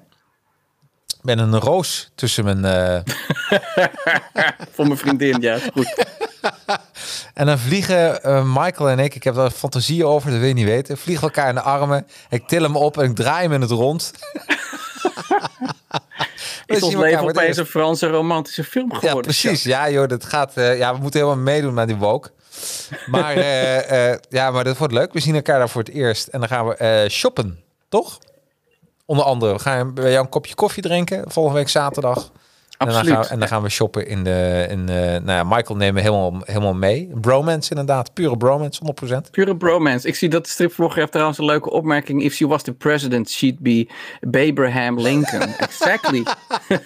Hey, zal, ik even, zal ik even... Ik heb wat feitjes opgeduikeld over Margot. Je bent geweldig. Mijn god, Oh, Robbie. dan, dan ga, en als jij dat doet, dan laat ik haar fotootjes een beetje zien. ja, laat het lekker zien, man. Je hoeft mijn kop niet in beeld. Het is allemaal goed. Doe de beet maar gewoon. Ja, ik doe de baby. Oké. Zoals jullie weten is Margot Robbie actrice en producer. Ze is geboren op 2 juli 1990 in Queensland, Australië. Dat wist ik niet, dat ze Australisch was. Ze is nu 31 jaar. Had een rol in de Australische soap Neighbours. Welke Oh. acteur is daar niet begonnen? Eerst een gastrol, maar dat werd later een vaste rol. Ze heette Donna Friedman. Doorbraak was haar rol in The Wolf of Wall Street echter als vrouw van Leonardo DiCaprio. Er staat ook een, er staat ook een shot in volgens mij dat ze full frontal is. Eh, en als zij dat niet is, dan heb ik dat shot kennelijk gedramd. Maakt niet uit, het effect is hetzelfde. Eh, maar dan maak je ook wel verdomd goede indruk. Eigenlijk is The Wolf of Wall Street en Once Upon a Time in Hollywood zijn de enige ehm, eh, films waarin ik haar heb gezien. Want al die Suicide Squad shit heb ik niet gezien.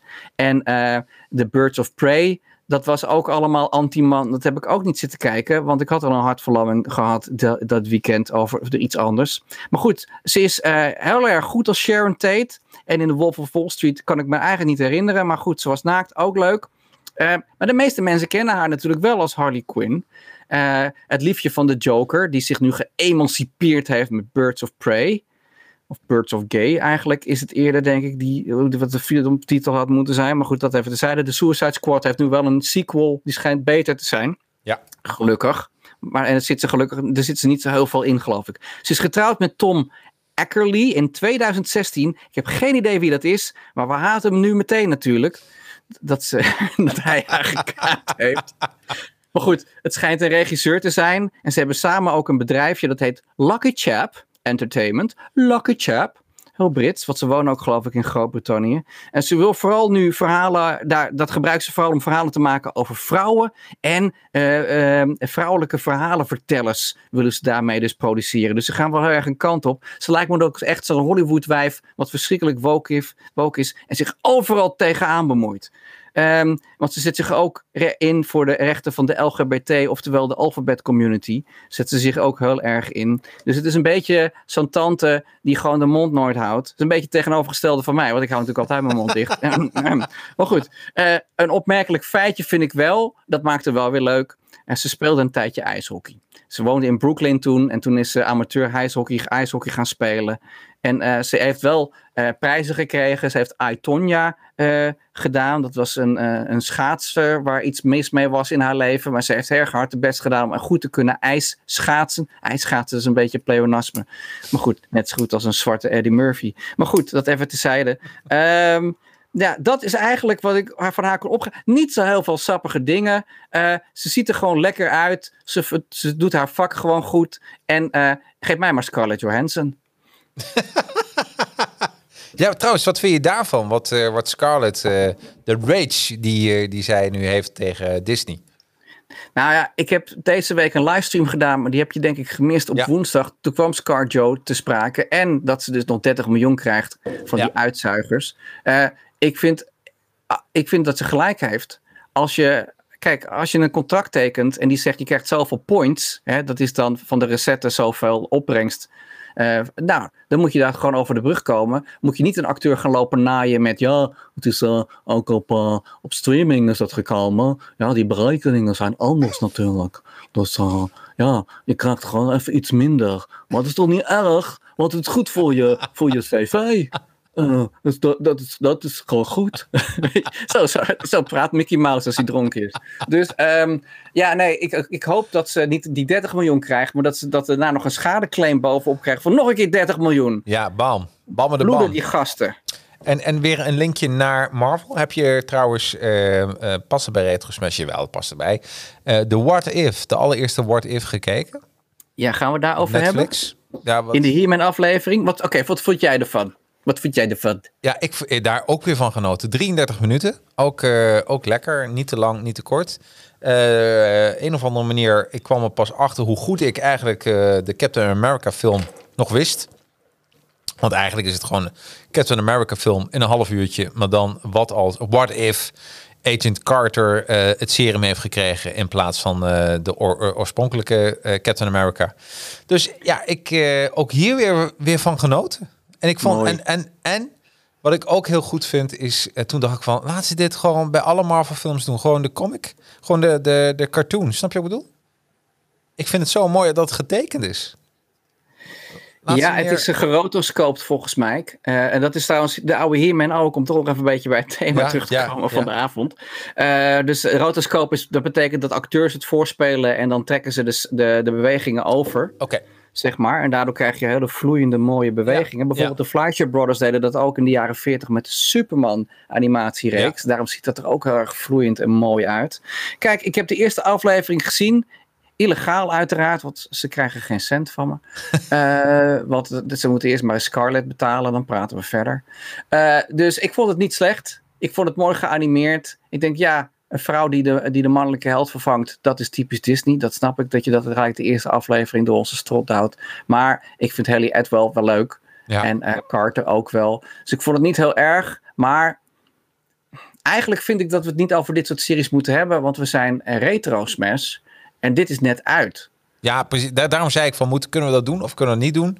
Het enige wat ik kan zeggen, het uh, speelt zich af in de jaren 40. Ja, dus dat is wel, ja, de Tweede Wereldoorlog is inmiddels retro, ja, gelukkig. Ja, ja dus dat, dat, dat kan. Maar dat is even, even terzijde. En fijn dat jij nog even uh, uh, de, de techniek noemde, die men ook al in de jaren 30 gebruikte. Ja, ja, dat is toch belangrijk, weet je. Kijk, het leuke is wel, we, we, leven in een hele duistere, moeilijke tijd, vind ja. ik, qua ideologie. En alles is politiek. En, uh, en iedereen is. En, en er zijn Nederlandse stripmakers die met het vingertje zo tegenwoordig ook strips maken. Ik denk, nee, je moet het met potlood doen, zo. En voor de rest moet je je bek houden. Uh, maar goed, dat even te zijn. Dit zijn hele bedweterige, uh, uit de hoogte stripjes. Dat wil je allemaal niet weten, maar dat las ik toevallig van de week eentje. Ik ga ook niet zeggen wie die strip gemaakt heeft. Maar uh, nou ja, het was een leuke stripmaker vroeger. maar daarnaast is het natuurlijk wel. Ah, je kunt die ideologie ontlopen door hele drastische keuzes te maken in het aanbod wat je tot je neemt. Ja. En er zijn nog steeds leuke dingen. Je kan, net zoals jij en ik, lekker retro gaan voor oude dingen. Die zijn tof. Er zijn op YouTube heel veel toffe uh, contentmakers, videomakers, filmmakers die hele mooie dingen maken. Dus er komt helemaal geen wokeness aan te pas. Dat zijn gewoon normale mensen. En ja, er zitten ook diverse mensen bij. Uh, homo-makers, zwarte makers, mensen uit India, maakt allemaal niet uit. Want dat maakt niet uit. Het gaat erom welk verhaal heb je te vertellen. Ben je boeiend. Zo, zo stel je menu samen. En um, kijk, die slechte conglomeraten zoals Disney en weet ik het allemaal, die huren wel mensen in die iets kunnen. Ja, dus, absoluut. Absoluut. Af en toe krijgen we nog een Spielberg. Ik heb laatst uh, Forrest Gump opnieuw gekeken. Ja. Naar aanleiding van The Movies That Made Us. Nou, en? Forrest Gump is een fantastische film. Gisteravond heb ik Jackie Brown weer zitten kijken van meester Tarantino. Die, ik zal, dat is de enigste Tarantino film die ik nog nooit heb gezien.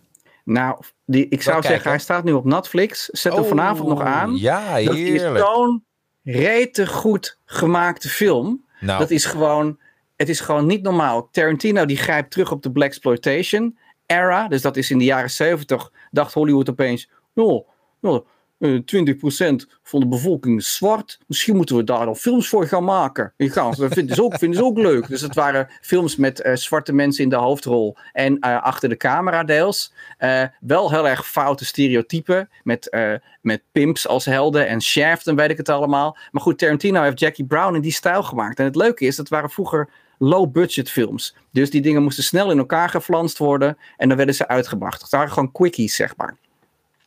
beetje zoals Kevin Smith seks heeft, zoals hij zelf altijd zegt. Zeg maar. Het boek is nog niet uit of het is al klaar. Maar goed, dat even tezijde. Dat soort quickies. En ehm, als je naar Jackie Brown kijkt. Tarantino is natuurlijk een meester in het bestuderen van filmstijlen. Hij heeft heel veel scènes, zijn één shot. Of maar een paar uh, een paar keer wordt er gesneden in een scène. En hij laat gewoon de acteurs hun werk doen. en dan heb je Pam Greer en Robert Foster en Samuel L. Jackson. Allemaal acteurs nou, dat is top of the bill. Die kunnen gewoon heel goed acteren. En dan heb je bijvoorbeeld een scène tussen Jackie Brown. Ik ga niet te veel spoileren, maar tussen Jackie Brown en Robert Foster. In haar uh, keuken aan het ontbijt. En hij krijgt net een bak koffie van haar. En zij zit nog in haar nachtjapon. En dan hebben ze dus twee oudere acteurs. Want uh, Pam Grier was van de Black Exploitation periode. Was heel beroemd, maar toen was ze nog heel jong. Rond Jackie Brown was ze ongeveer 44. En die praten over ouder worden en wat dat met je doet. En dat ze eigenlijk helemaal geen toekomstperspectief heeft als vrouw van 44. En Tarantino filmt dat gewoon zo subtiel. En die acteurs die zijn zo fucking goed. Als je zou gaan snijden daarin, is het bijna zonde. Het is bijna alsof je aan de ontbijttafel zit en je ruikt de koffie. zo goed, is deze film. Heb, heb jij Joe Rogan gezien met Tarantino? Deels. Ik heb deels gezien. Oh, ja. ja, het is echt een, echt een aanrader. Het is echt een retro smash aflevering. Alhoewel die net is opgenomen, een maandje geleden. Uh, kun je luisteren op Spotify en bekijken op Spotify. Joe Rogan met Quentin Tarantino. Is echt, duurt twee uur, twee tot drie uur. Met elkaar aan het praten. Wat, wat heb ik daarvan genoten? Het is een genot. Het is een genot. Het is echt, en ook hoe die zo, dat hij in een videotheek heeft gewerkt, script heeft geschreven, dat hij dacht, nou, dit wordt echt helemaal niets. En zo is hij omhoog geklommen. En het is gewoon een filmgek. Het is gewoon iemand die idolaat is van film. En ook zo mooi, uh, en hij kent zijn eigen uh, beperkingen. Hij zegt ook van, uh, ik ga tien films maken en, en daarna doe ik dat niet. Uh, omdat hij zegt, ja, de, ik heb geen één regisseur gezien die beter wordt als hij ouder wordt. Ze wordt allemaal vallen in herhaling. En dat vind ik zo gaaf als iemand zo, zo naar zichzelf kijkt. Wat hij nu gaat doen is, de Hateful Eight wordt een Broadway, nee Broadway, wordt gewoon een theaterstuk. Dus hij gaat er het komt op de planken, wat, wat zich er ook goed voor leent.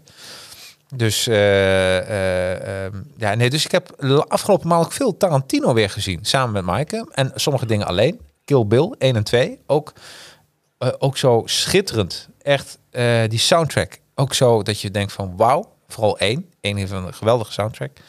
En daardoor, en wat ik zo mooi vind van die films. Want op een gegeven moment komt er een... Tarantino heeft er ook over. Over Kung Fu. De serie Kung Fu van vroeger. Mm en toen dacht ik, ah, die wil ik ook weer graag zien. Dus ik ben een beetje aan het kijken. Uh, ook uh, van, kan ik ergens nog op DVD die oude serie nog eens een keer kopen? Want ondertussen heb ik wel Magnum PI weer gekocht. Ja, goed zo. Uh, ja, ja, alle seizoenen. En ik heb, en ik weet niet hoe het met jou zit, Michael, maar bij mij is het, dan wil ik graag kijken, maar s'avonds dat, weet je, zit je toch voor de hoofd-TV te kijken. En uh, ik wil mijn vrienden ook niet aandoen dat ik elke avond zeg van dat dat ik de tv claim. En ik zeg, ja, ik moet weer drie afleveringen Magnum PI kijken. Ik bedoel, dit is niet goed. Oh, weet je, dat, dat kun je niet maken. Dus zo zou ik denken, wat zijn nu mijn momenten dat ik zo'n Magnum PI kan kijken en waar? Uh, dus ik moet altijd, ik weet niet hoe bij jou zit, ik moet een soort ritueel hebben. Want anders, anders komt het niet van. Ik moet iets doen. En ik heb nu iets gevonden. Ik heb een, uh, een, Lenko DVD Blu-ray spelletje gekocht met een schermpje. Uh, eerst had ik één, ja, ook zo'n verhaal. Bij de, bij de kringloop heb ik een DVD-spelletje gekocht voor 7 euro met een schermpje. Voor 7 euro. Ik was helemaal blij mee. Ik zag mezelf al zitten aan de tafel, s ochtends, met mijn bak Griekse kwarkjoghurt. en dat ik dan elke ochtend gewoon Magnum PI kan kijken. En ik wilde hem aansluiten. Toen zag ik dat, dat, dat uh, ik had aan die mensen gevraagd: heb je hem gecontroleerd? Ja, we hebben hem gecontroleerd. Dus uh, ja, ik weet je, als een man die thuis komt met zijn prooi van Mike moest kijken, dit heb ik gewoon gekocht voor 7 euro. Ik voelde echt het mannetje. Ik dacht van, hè, ja. En ik zet, ik wil hem aanzetten en die, die batterijen die waren een beetje ontploft. Kijk dat? Dat zo'n batterijen opzet onder. Dus ik dacht van, en toen zat ik echt te denken of zal die uh, door een, een, soort extreme groep dit zijn bewerkt? Ik heb te veel 24 gekeken. Dat als ik hem nu een stopcontact doe, dat er opeens een atoombom ontploft en dat gewoon half Nederland weg is. Ik, ik zat echt naar te kijken. Volgens mij, dat zou wel een briljant zijn om zo, zoiets te doen. En? Ja, de, ik, heb, ik durfde niet. Ik dacht, was echt bang, dadelijk ontploft er een atoombom. hè, waar ik woon. En dan is de half Nederland weg. Dus dat heb ik niet gedaan. Dus heb ik van 7 euro, toen zei Mike, ga je terugbrengen naar de kringloop? Nee, dat ga ik ook niet doen. Want ja, voor 7 euro ga ik niet helemaal terugrijden. En dan, nee, daar had ik helemaal geen zin in. Dus heb ik gewoon, ik moest wat sut naar de, naar stort brengen. Dat dingetje er ook bij in een doos. Ehm, dat is ook stom achteraf, want nu kan iemand anders hem ook weer meenemen en stopcontact doen en nog at atoombom af. Dus dat kan gewoon gebeuren nu. Ja, maar toen was bij mij het zaadje geplant. Ik wil graag een DVD-scherm. Ehm, maar dan wel met Blu-ray. Want ja, sommige retro dingen. Dat, dat, dat- ik dacht ook aan jou, want jij zei tegen mij, Jacques, als je Knight Rider gaat kopen, zorg dat je hem op Blu-ray koopt. En de Engelse versie, omdat die wat completer waren. Zoiets was het, hè? Ja, ja, je hebt verschillende versies er weer. Ja, dat is heel lastig. Ja. Dus, nou ja, zo heb ik dat. eh, dus, ik, dus dat heb ik nu gekocht. Ik heb nu zo'n. eh, dus dat ik nu elke ochtend met eh, een dvd'tje kan zitten. En dan heerlijk kan genieten van Magnum PI. Dus dat is. Je bent dat is- helemaal blauw, zie ik. Ja, klopt. Ik heb een blauwtje gelopen. Nee, wat ik moet doen. Ik moet af en toe even staan voor mijn rug. Doe ik even zo. En dan, ga, en dan gaat het licht weer aan. Ja. Ik heb een blauwtje gelopen. Ja, dus, Smurfenlicht. spullen. Ja. Maar dat, dat is dus wat ik nu... Oh, Marvin eh, die denkt, eh, ja, wat een, wat een klote verhaal. Ik ga ervoor door. Nog een gezellige voorzetting. Ja, die van Ja, Karel is helemaal grappig. Retro. 1. Nieuw, een nieuwe He- He-Man, nieuwe animatieserie van Marvel, Margot Robbie. Lol, werkelijk alles is niet retro. Maar geeft verder niks hoor mannen. Hartstikke leuk gesprek verder. Nou ja, we hebben het ook een beetje over de oude animatie Ja, gehad. ja, ik dacht, ik gooi de Magnum PI er tussendoor. En wat ook retro is, en dat, eh, daar hebben we het even over gehad, of het album van de maand. Ja, vertel. Even kijken, ik laat hem even zien. Hop. ehm, stop share screening. En dan ga ik nog eens een keer screen doen. Het muziekalbum van de maand. Of de Het plaat van de maand. of de cd van de maand. Hoe heet maand. eigenlijk bij ons? Ja, ik heb, eh, je ziet hem als het goed is, hop, oh, in beeld. Ja, hè? Ja. Eh, ik maak hem even iets groter, Michael. Pff, Is LCD Sound System. Ik was namelijk, eh, ik heb het al even in een vlogje laten zien. Ik was bij een kringloop. En wat mij is opgevallen is dat alle CD's, bijna al, ik heb ook eentje van Prince gekocht, Gold. Hmm. Maar alle CD's zijn gewoon een eurotje. Dus je Ja. kan ook geen bel aan vallen. En eh, toen dacht ik van, oké, dat vind ik wel leuk om iets te kopen. Waarvan ik wel eens heb gehoord van, oh, daar wil ik wel wat meer over weten. En ik weet, ik kan het ook via Spotify doen, wat je nu ziet. Maar hoe lekker is het niet om in je, eh, in je oude CD-speler... ehm, eh, en ik heb heel wat CD, oude CD-spelers thuis... dat ik dan een CD'tje kan draaien. Heerlijk. Of in mijn auto, ook een CD-speler. En ik heb deze gekocht, LCD Sound System. Er zitten twee CD's in. Ik heb dus eigenlijk 50 cent per CD betaald. En Michael, ik wil e- even iedereen aanraden, als je dadelijk hiermee klaar bent, zoek even LCD Sound System op op Spotify eh, of koop gewoon een CD. Ga morgen naar een kringloopwinkel en kijk of die daar ook te verkrijgen is. Maar wat een heerlijke CD, LCD Sound System. Een New Yorkse klinkt band. Eh, ja, kan ik een stukje? Ik kan wel stiekem een stukje draaien, toch? Denk je niet? Of gaan we? Nou, ik krijgen? denk dat we gelijk dan copyright krijgen. Dan krijg je doe ook maar. copyright. Ja, we Living on the edge. Let- let- precies, daar komt hij. Oh, eh, eh, oh, even kijken hoor. Ik, Oh, oh, ja. wacht maar. Heb ik dat weer? Oh, Zo maar. handig die nieuwe systemen allemaal. Ja, precies. Maar wacht maar, ik kan het wel natuurlijk even doen via YouTube. Zou dat kunnen? En dan LCD Sound System. Maar heb je er ooit wel eens van gehoord of niet? Nee, het is voor mij nieuw. Dat is helemaal nieuw. Oké, gaan we eens even kijken. Want ehm, wil ik natuurlijk even meteen een heel mooi, mooi album. Ja, dit is hem. Die, die gaan Dan we doen. reclame. Dan krijgen we reclame, dat gaan we niet doen. Maar even een mooi nummer van de LCD Sound System.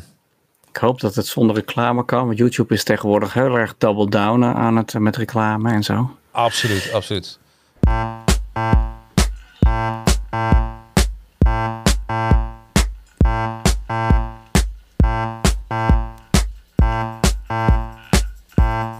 Doordoen.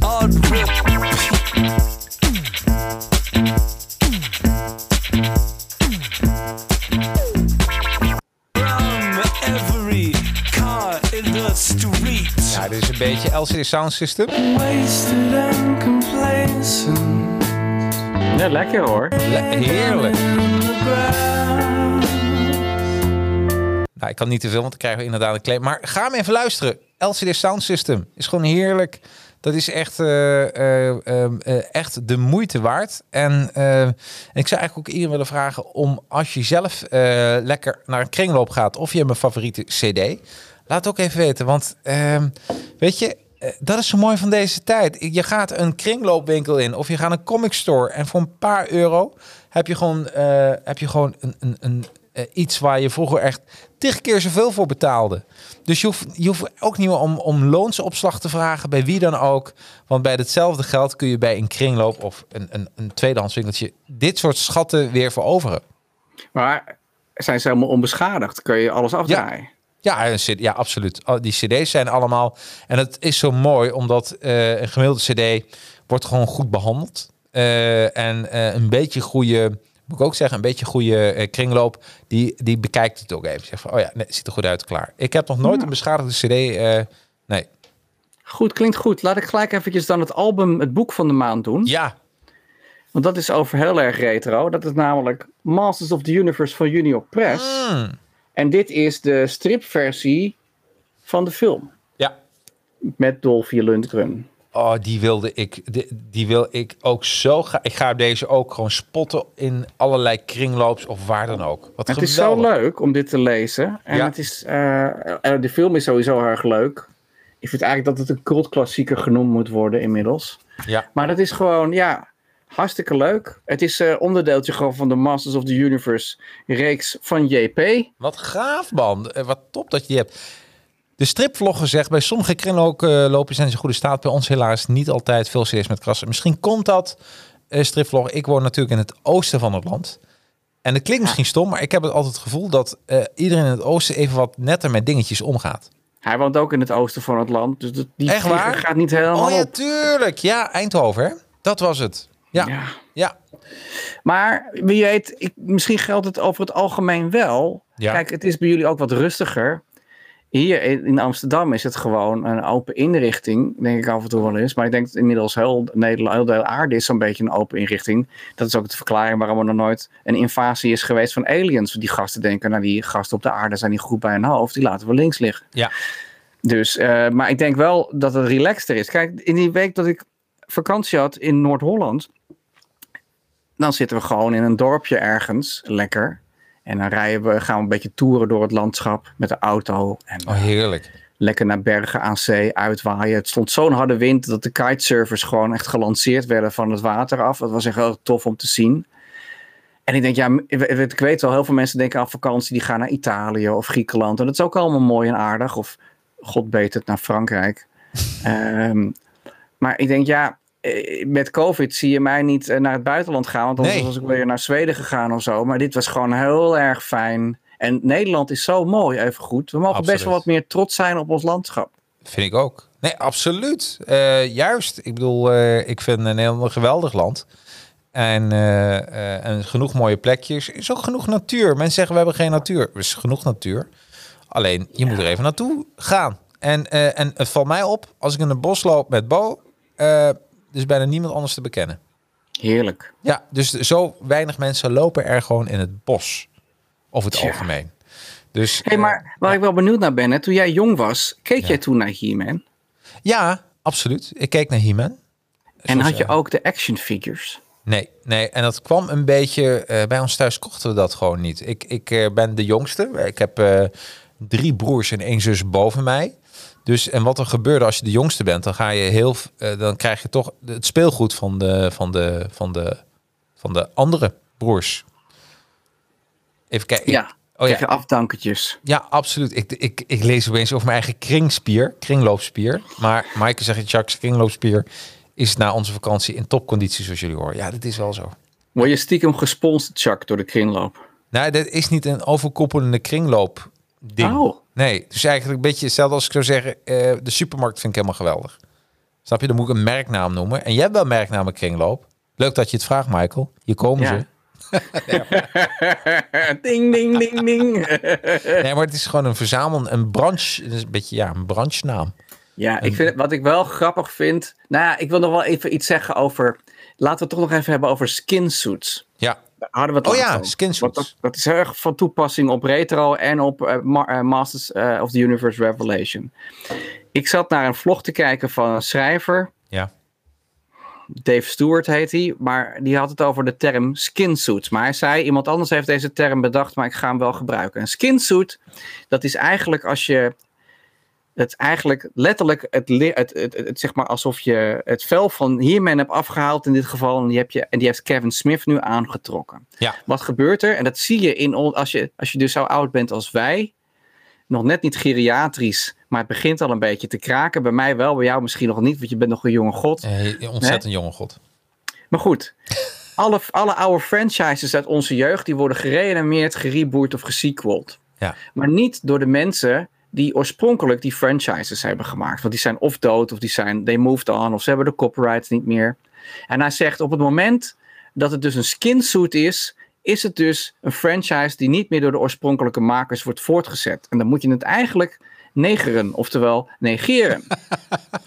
Want je bent altijd teleurgesteld. Kijk Ja. naar Star Wars van Disney. Kijk naar, nou goed, Masters of the Universe Revelation. Kijk naar Ghostbusters. Kijk naar, eh, noem maar op. Kijk naar de Terminator franchise. Eh, noem het maar op. Al die, al die dingen zijn verwookt, verwelkt, verweekt.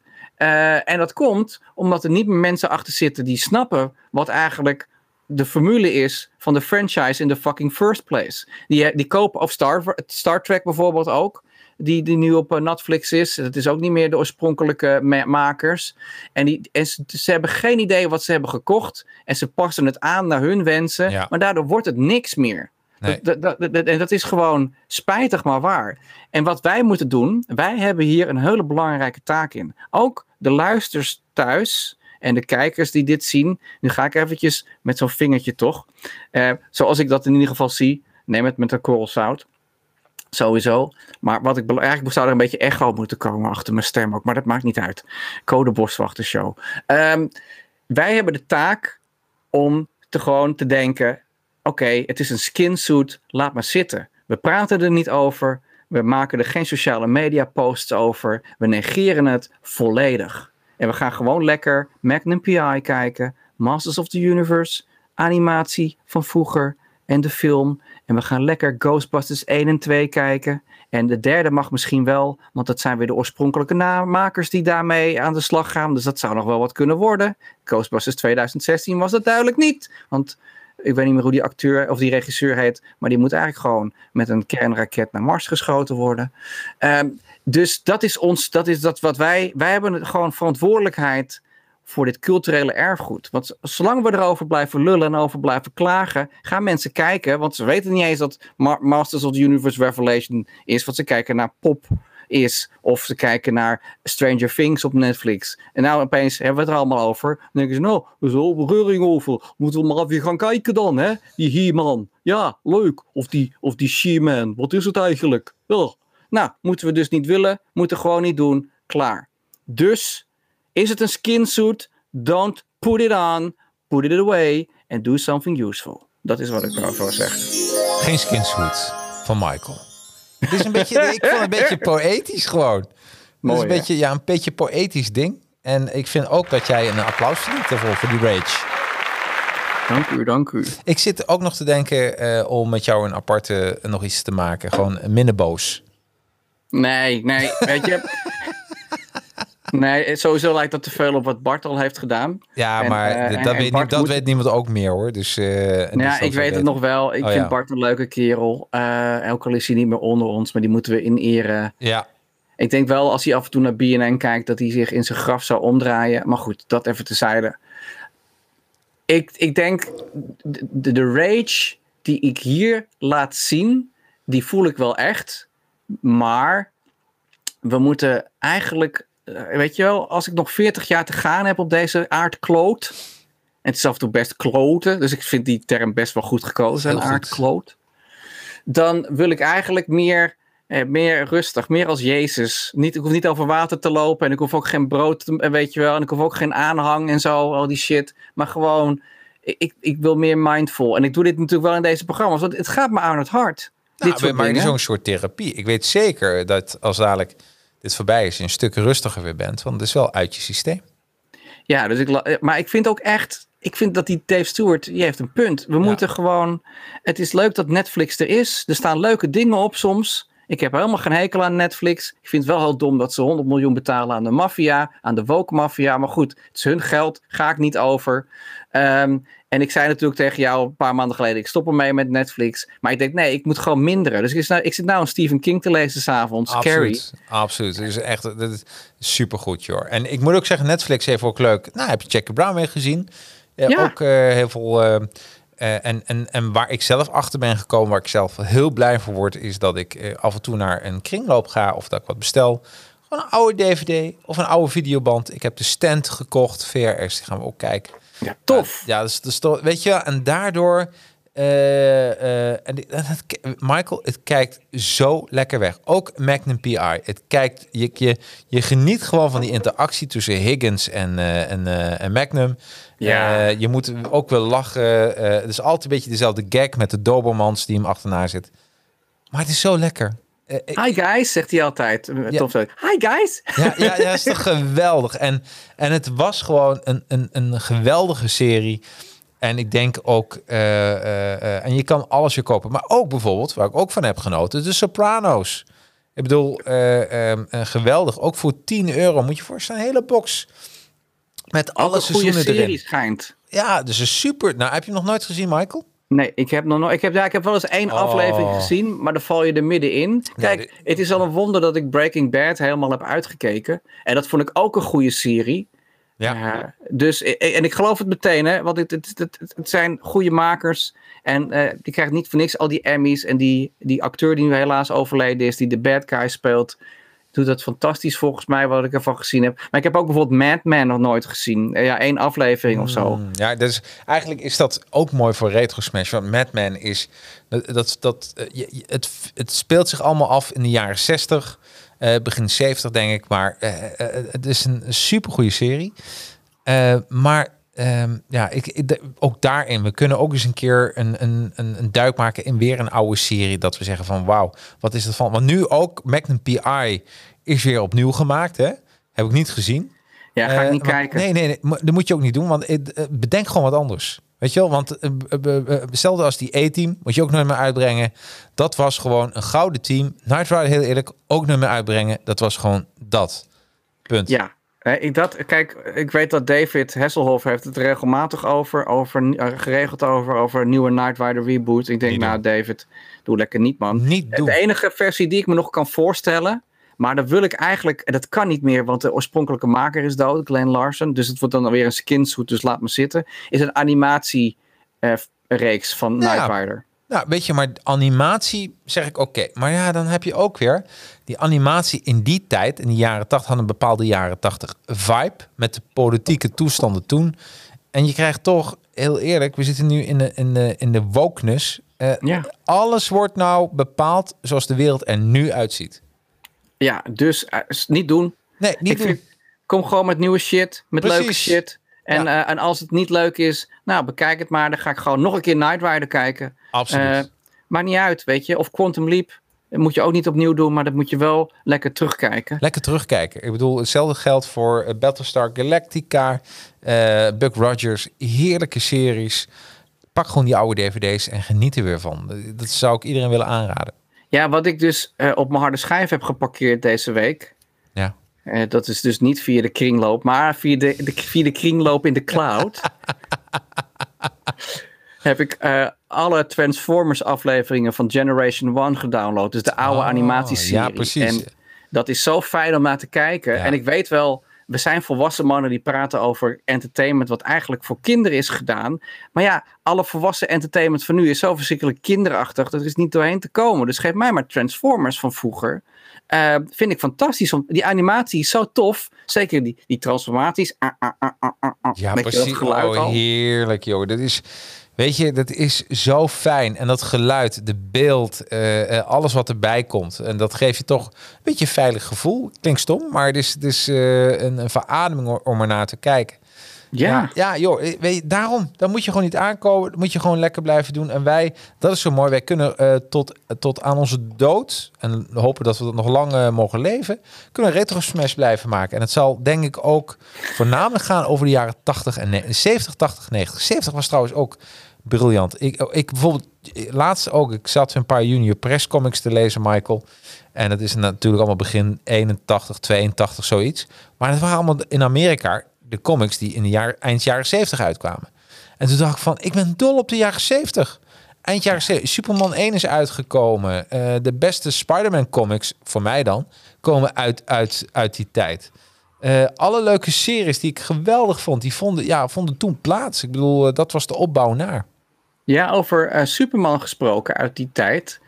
Dat is wel leuk.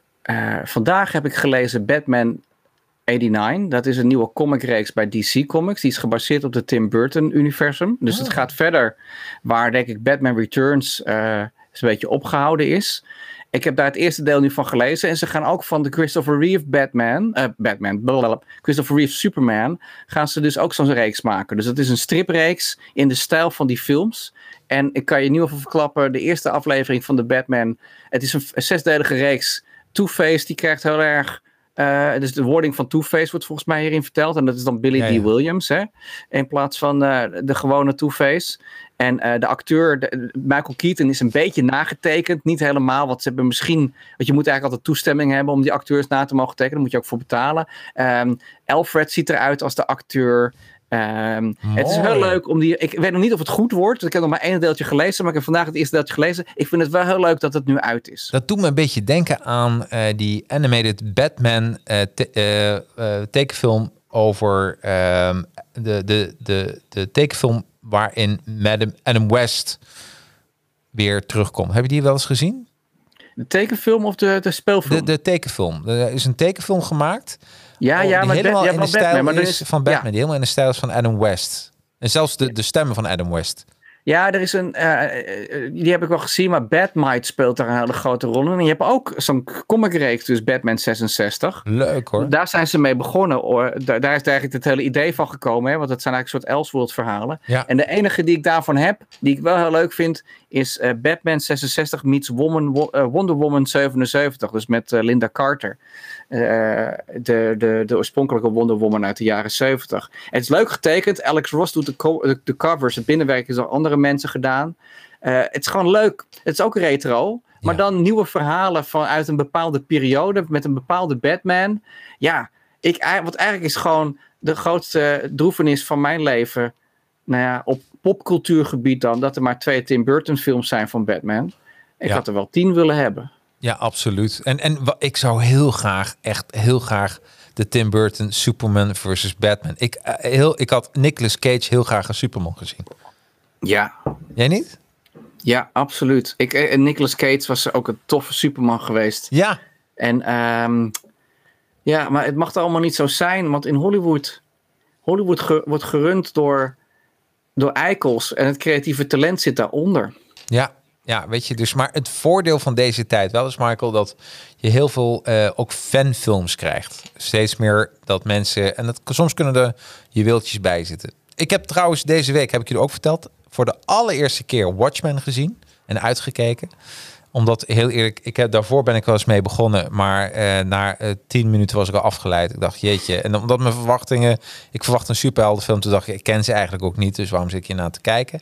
Maar nu heb ik ze eh, gezien. En waarom heb ik ze gezien? Omdat ik via Dark Dragon eh Doomsday Klok had. Doomsday heet dat volgens mij. Of Doomsday Klok? Ja, ze klok. Ja, toch wel hè? Eh, het eerste van, want ik was heel benieuwd naar, en dat is natuurlijk DC versus Watchmen komen bij elkaar. Eh, ehm, en ja, ik vond het, maar daardoor werd ik weer geïnteresseerd om me meer te laten vertellen over Watchmen. Ja, en wat vond je ervan van de film nu? Nou, ehm, ehm, om even de situatie te schetsen. We hebben steeds, want ik, meestal als ik thuis kom, ben ik altijd vrij laat eten we, kijken we even wat en daarna gaan we wat kijken. Maar ik was al wat vrij moe, dus ik heb, eh, hij duurt volgens mij 3,5 uur hè, de film, zoiets hè. Dus ik heb eh, iedere eh, avond heb ik een uur gekeken, waarvan ik dacht nu is het goed. En dat hebben we dus drie, Mike heeft twee afleveringen meegekeken, de laatste niet meer. Dus dat zegt ook al iets. En uh, Mike is normaal iemand die zich wel vastbijt in de film. Ja. Uh, um, uh, en uh, op zich, ja, wat moet ik er nou van vinden? Vind ik een hele moeilijke. Ik, ik heb ervan genoten. Ik vond het een mooie film. alleen, um, ik, ik, het, het heeft, het, ik, ik vind het mooi, maar ik, ik vind het niet geweldig. Fair enough. Ja. Uh, en, ja. en, en dat komt gewoon, de, de characters, uh, uh, um, ik begrijp het allemaal. Het zijn weer nieuwe characters. Geen één character heeft mijn hart eigenlijk gestolen. Dat ik denk, daar wil ik eigenlijk wel meer van zien.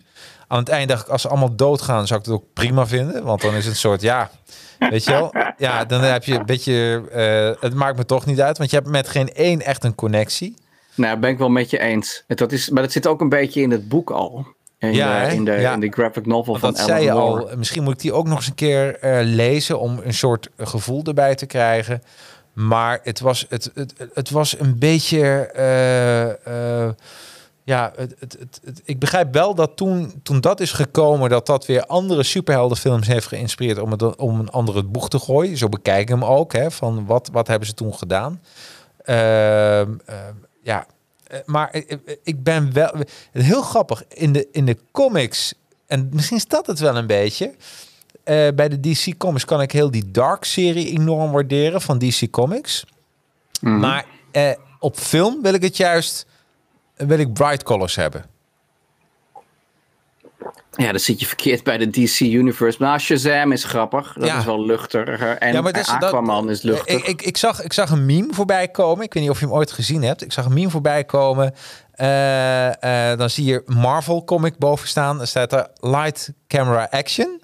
En onder zie je DC Camera Action. Oké, dat Ja. is best leuk gevonden. Ja, vind je niet? Ja. Ja, Ja. ja. ik heb wel goede herinneringen aan He-Man. ehm, aan de poppetjes. Ik kan me nog herinneren, en misschien heb ik dit verhaal al een keer in een uitzending verteld, maar dan gaan mensen maar even thee halen of zo. Tijdens Sinterklaas. Mijn ouders waren toen nog niet gescheiden, dus ik was voor negen jaar oud, denk ik. Of het was toen ik acht was of zo, ik weet het niet meer. Maar je had zo'n dubbelpakket van He-Man en Skeletor en een cassettebandje in het midden. Sterrenstof. Zo'n eh, zo'n zo, hoorspel, zeg maar, van Oh, Masters wauw. of the Universe. In het Nederlands. Het schijnt door een Duits bedrijf op de markt gezet te zijn. Die hebben allemaal meerdere versies nog. Maar wij hadden alleen, voor zover ik weet, Sterrenstof. En dat bandje heb ik ook nog wel. Eh, nu nog een cassette recorder. Echt waar, Maar, heb je die? die gaan we, kunnen we niet digitaliseren, Michael? Ja, we moeten hem digitaliseren. Dat is wel leuk.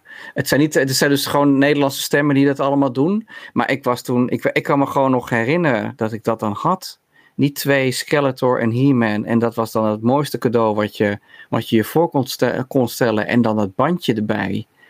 En dat was gewoon, ja, dat, is een, dat zijn leuke dingen zijn dat. Als kind dat je dus Ja. helemaal op kan gaan in een reeks of in een universum of in een serie. En het is dan ook echt. Ja, en je, en je bestudeert ook alles. Ik bedoel, Je dat- bestudeert alles. Maar Absoluut. Rider was ook echt. Kitty Ja. reed gewoon uit zichzelf. Je wist helemaal niet dat er een man achter de, achter de stoel zo zat te Nee. sturen, weet je wel. Dat zag je allemaal niet. En soms, soms zou ik wel eens willen dat we weer, dat we toch weer naar die fase, dat je toch weer zo erg in iets kan geloven. Precies. Dat, dat het weer echt wordt. Maar we zijn ouder, wijzer. De dingen die gemaakt worden zijn shitter. Dus het is steeds moeilijker om in die staat van. Nou ja, ik had het wel bij. Dat moet ik wel toegeven. Ik heb Forrest Gump dus herkeken na jaren. Ja, mooi hè? En ik word daar toch emotioneel van, van die Forrest Gump. Ik vind dat toch wel heel goed gedaan. Eh, ik vind dat Tom Hanks het heel goed neerzet. Ik vind Gary Sinise, Sinise zeg, moet je zeggen, die speelt eh, Lieutenant Dan heel erg goed. Eh, dat hij zijn benen kwijtraakt. En dat is eigenlijk wel een mooi verhaal. Want het werd ook in de movies dat Medas verteld. Dat hij dus eh, mocht spreken bij veteranen, bij gehandicapte veteranen die terugkwamen uit de oorlog. En daarna heeft hij ook een fonds opgericht voor dat soort mensen. Mooi hè? Want wat, wat natuurlijk de wereld is naar. Dus mensen vechten voor je land en dan komen ze terug en dan worden ze verguisd door de overheid en door de bevolking. Hè, de Vietnam-veteranen onder andere. Wat is onbegrip. Mensen hebben geen idee wat die gasten allemaal hebben moeten doorstaan. In de hel op aarde zo'n beetje. En, dan, en oké, acteurs zijn een beetje adult pretenders en een beetje wankers af en toe. Maar dan zo'n Gary Sinise die dan door één rol helemaal zijn leven krijgt, een nieuwe wending. Ja. dat vind ik wel mooi. En ik vond echt, ik denk het is echt goed gedaan deze film. Hè? Met veel, en, en heel grappig. Ja, het is een, een, het is een juweeltje. Maar, dat, maar daar krijg je nog steeds een, een, een, een, eh, ja, een goed gevoel bij. Ja, helemaal mee eens. En ik zit even te kijken, korter worden wat reacties er nog voorgelezen. Eh Automan was ook een gave retro-serie, zegt Mr. Q. Kennen jullie die? Ken jij die? Automan? Nee, nooit niet. van gehoord. Maaike misschien van de makers van Tron, toch? Dick Tron, zegt Kotter. Ehm Kotter kan zich ook de poppetjes herinneren. Beter herinneren dan de tekenfilmserie. En Miss Q die, eh, gaat nog even over mijn Watchmen verhaal. De boeken van Watchmen waren toen ze uitkwamen erg goed. De film minder. De reboot-serie naar de eerste aflevering eh, opgegeven. Die moet nog kijken. Die, tenminste, of ga hem niet kijken. Ehm en Kotter dacht ook vroeger dat Michael Knight een Duitser was. Ik heb die series al eerst in het Duits gekeken. Heb ik ook gedaan, Kotter. En eh, ik woonde in, in Limburg. En bij ons was altijd ZDF. En sterker nog, ik, als ik een Bud Spencer film kijk, dan vind ik het niet leuk. Ik moet gewoon echt de Duitse, nagesynchroniseerde Bud Spencer kijken. En dat is voor mij pas Bud Spencer. Eh Mr. Q, ik had het gevoel toen ik het dat toch op BB-8 op het toneel zag rollen. En eh, ja, ja, d- het- ja, maar dat is mooi. En ik moet weer even opstaan. En goed, hè? Ik denk dat we, dat, dat ook een beetje tegen Ja, het licht gaat uit jou. Ja, we het licht gaat uit. We, gaan, we zijn er anderhalf uur voorbij, 1 minuut 40. Eh, en eh, mensen die, eh, die kunnen nu gaan nadenken. Ja, ik zou zeggen, kijk zelf He-Man Revelations en oordeel zelf. En misschien denk je, net als Michael, jeetje man, had het nou niet gedaan op die manier. En beware of the skin suits, people. Ja. Beware. Beware. Ik, hier zou je een horrorfilm van kunnen maken. Het is al een horrorfilm, we leven hem. We, we, leven- we, zitten er gewoon middenin. Echt. Ja, Hey, op- eventjes. ja? Nou ja, kijk, de volgende uitzending is dus zaterdag 2 oktober om 11 uur 's ochtends. Ik zeg het nog maar eventjes. Als het goed is, gaan we het dan hebben over briefschrijvers van toen. Ja, absoluut. Dus ben jij zo'n briefschrijver? Stond je in Junior Press of in de Kijk vroeger? Of in Donald de Duck. Apple? Of in de Donald Fuck? Maakt allemaal niet uit. Laat en, en denk je, ik vind het wel leuk om een brief eh, voorgelezen te hebben in de uitzending. En misschien vind ik het ook nog wel leuk om een paar vragen te beantwoorden van eh, het komisch duo eh, Jacques en Mike. Stuur dan even een mailtje naar. Ja, dit is eh eh, eh, info at retrosmash.nl. Juist. Nou, Hebben we dat? ja, Hebben we een eigen e-mailadres? ik heb aangemaakt. Ja, hoe vind je dat nou? Ja, tuurlijk. Info at retrosmash.nl.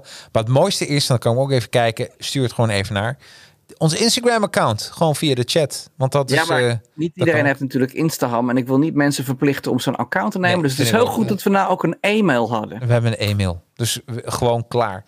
Ehm, ja, en voor de rest, ehm, eh, ja, volg, dus 2 oktober, eh, s ochtends, 11 uur was het hè, Michael?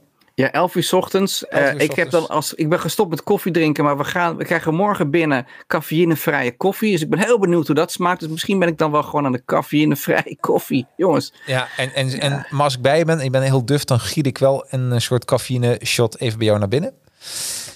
Eh, ja, we hebben ook nog wel echte koffie. Want ik weet niet, Oh. ik weet niet of, mijn, of mijn vriendin ook overgaat op de cafeïnevrij. Dus ik denk dat dat gewoon een beetje...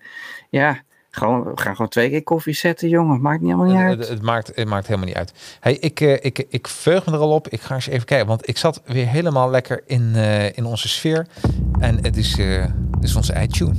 Dus Bij de Power of Grayskull, beware of the skin suits. ja, woe! En tot zaterdag 2 oktober, 11 uur.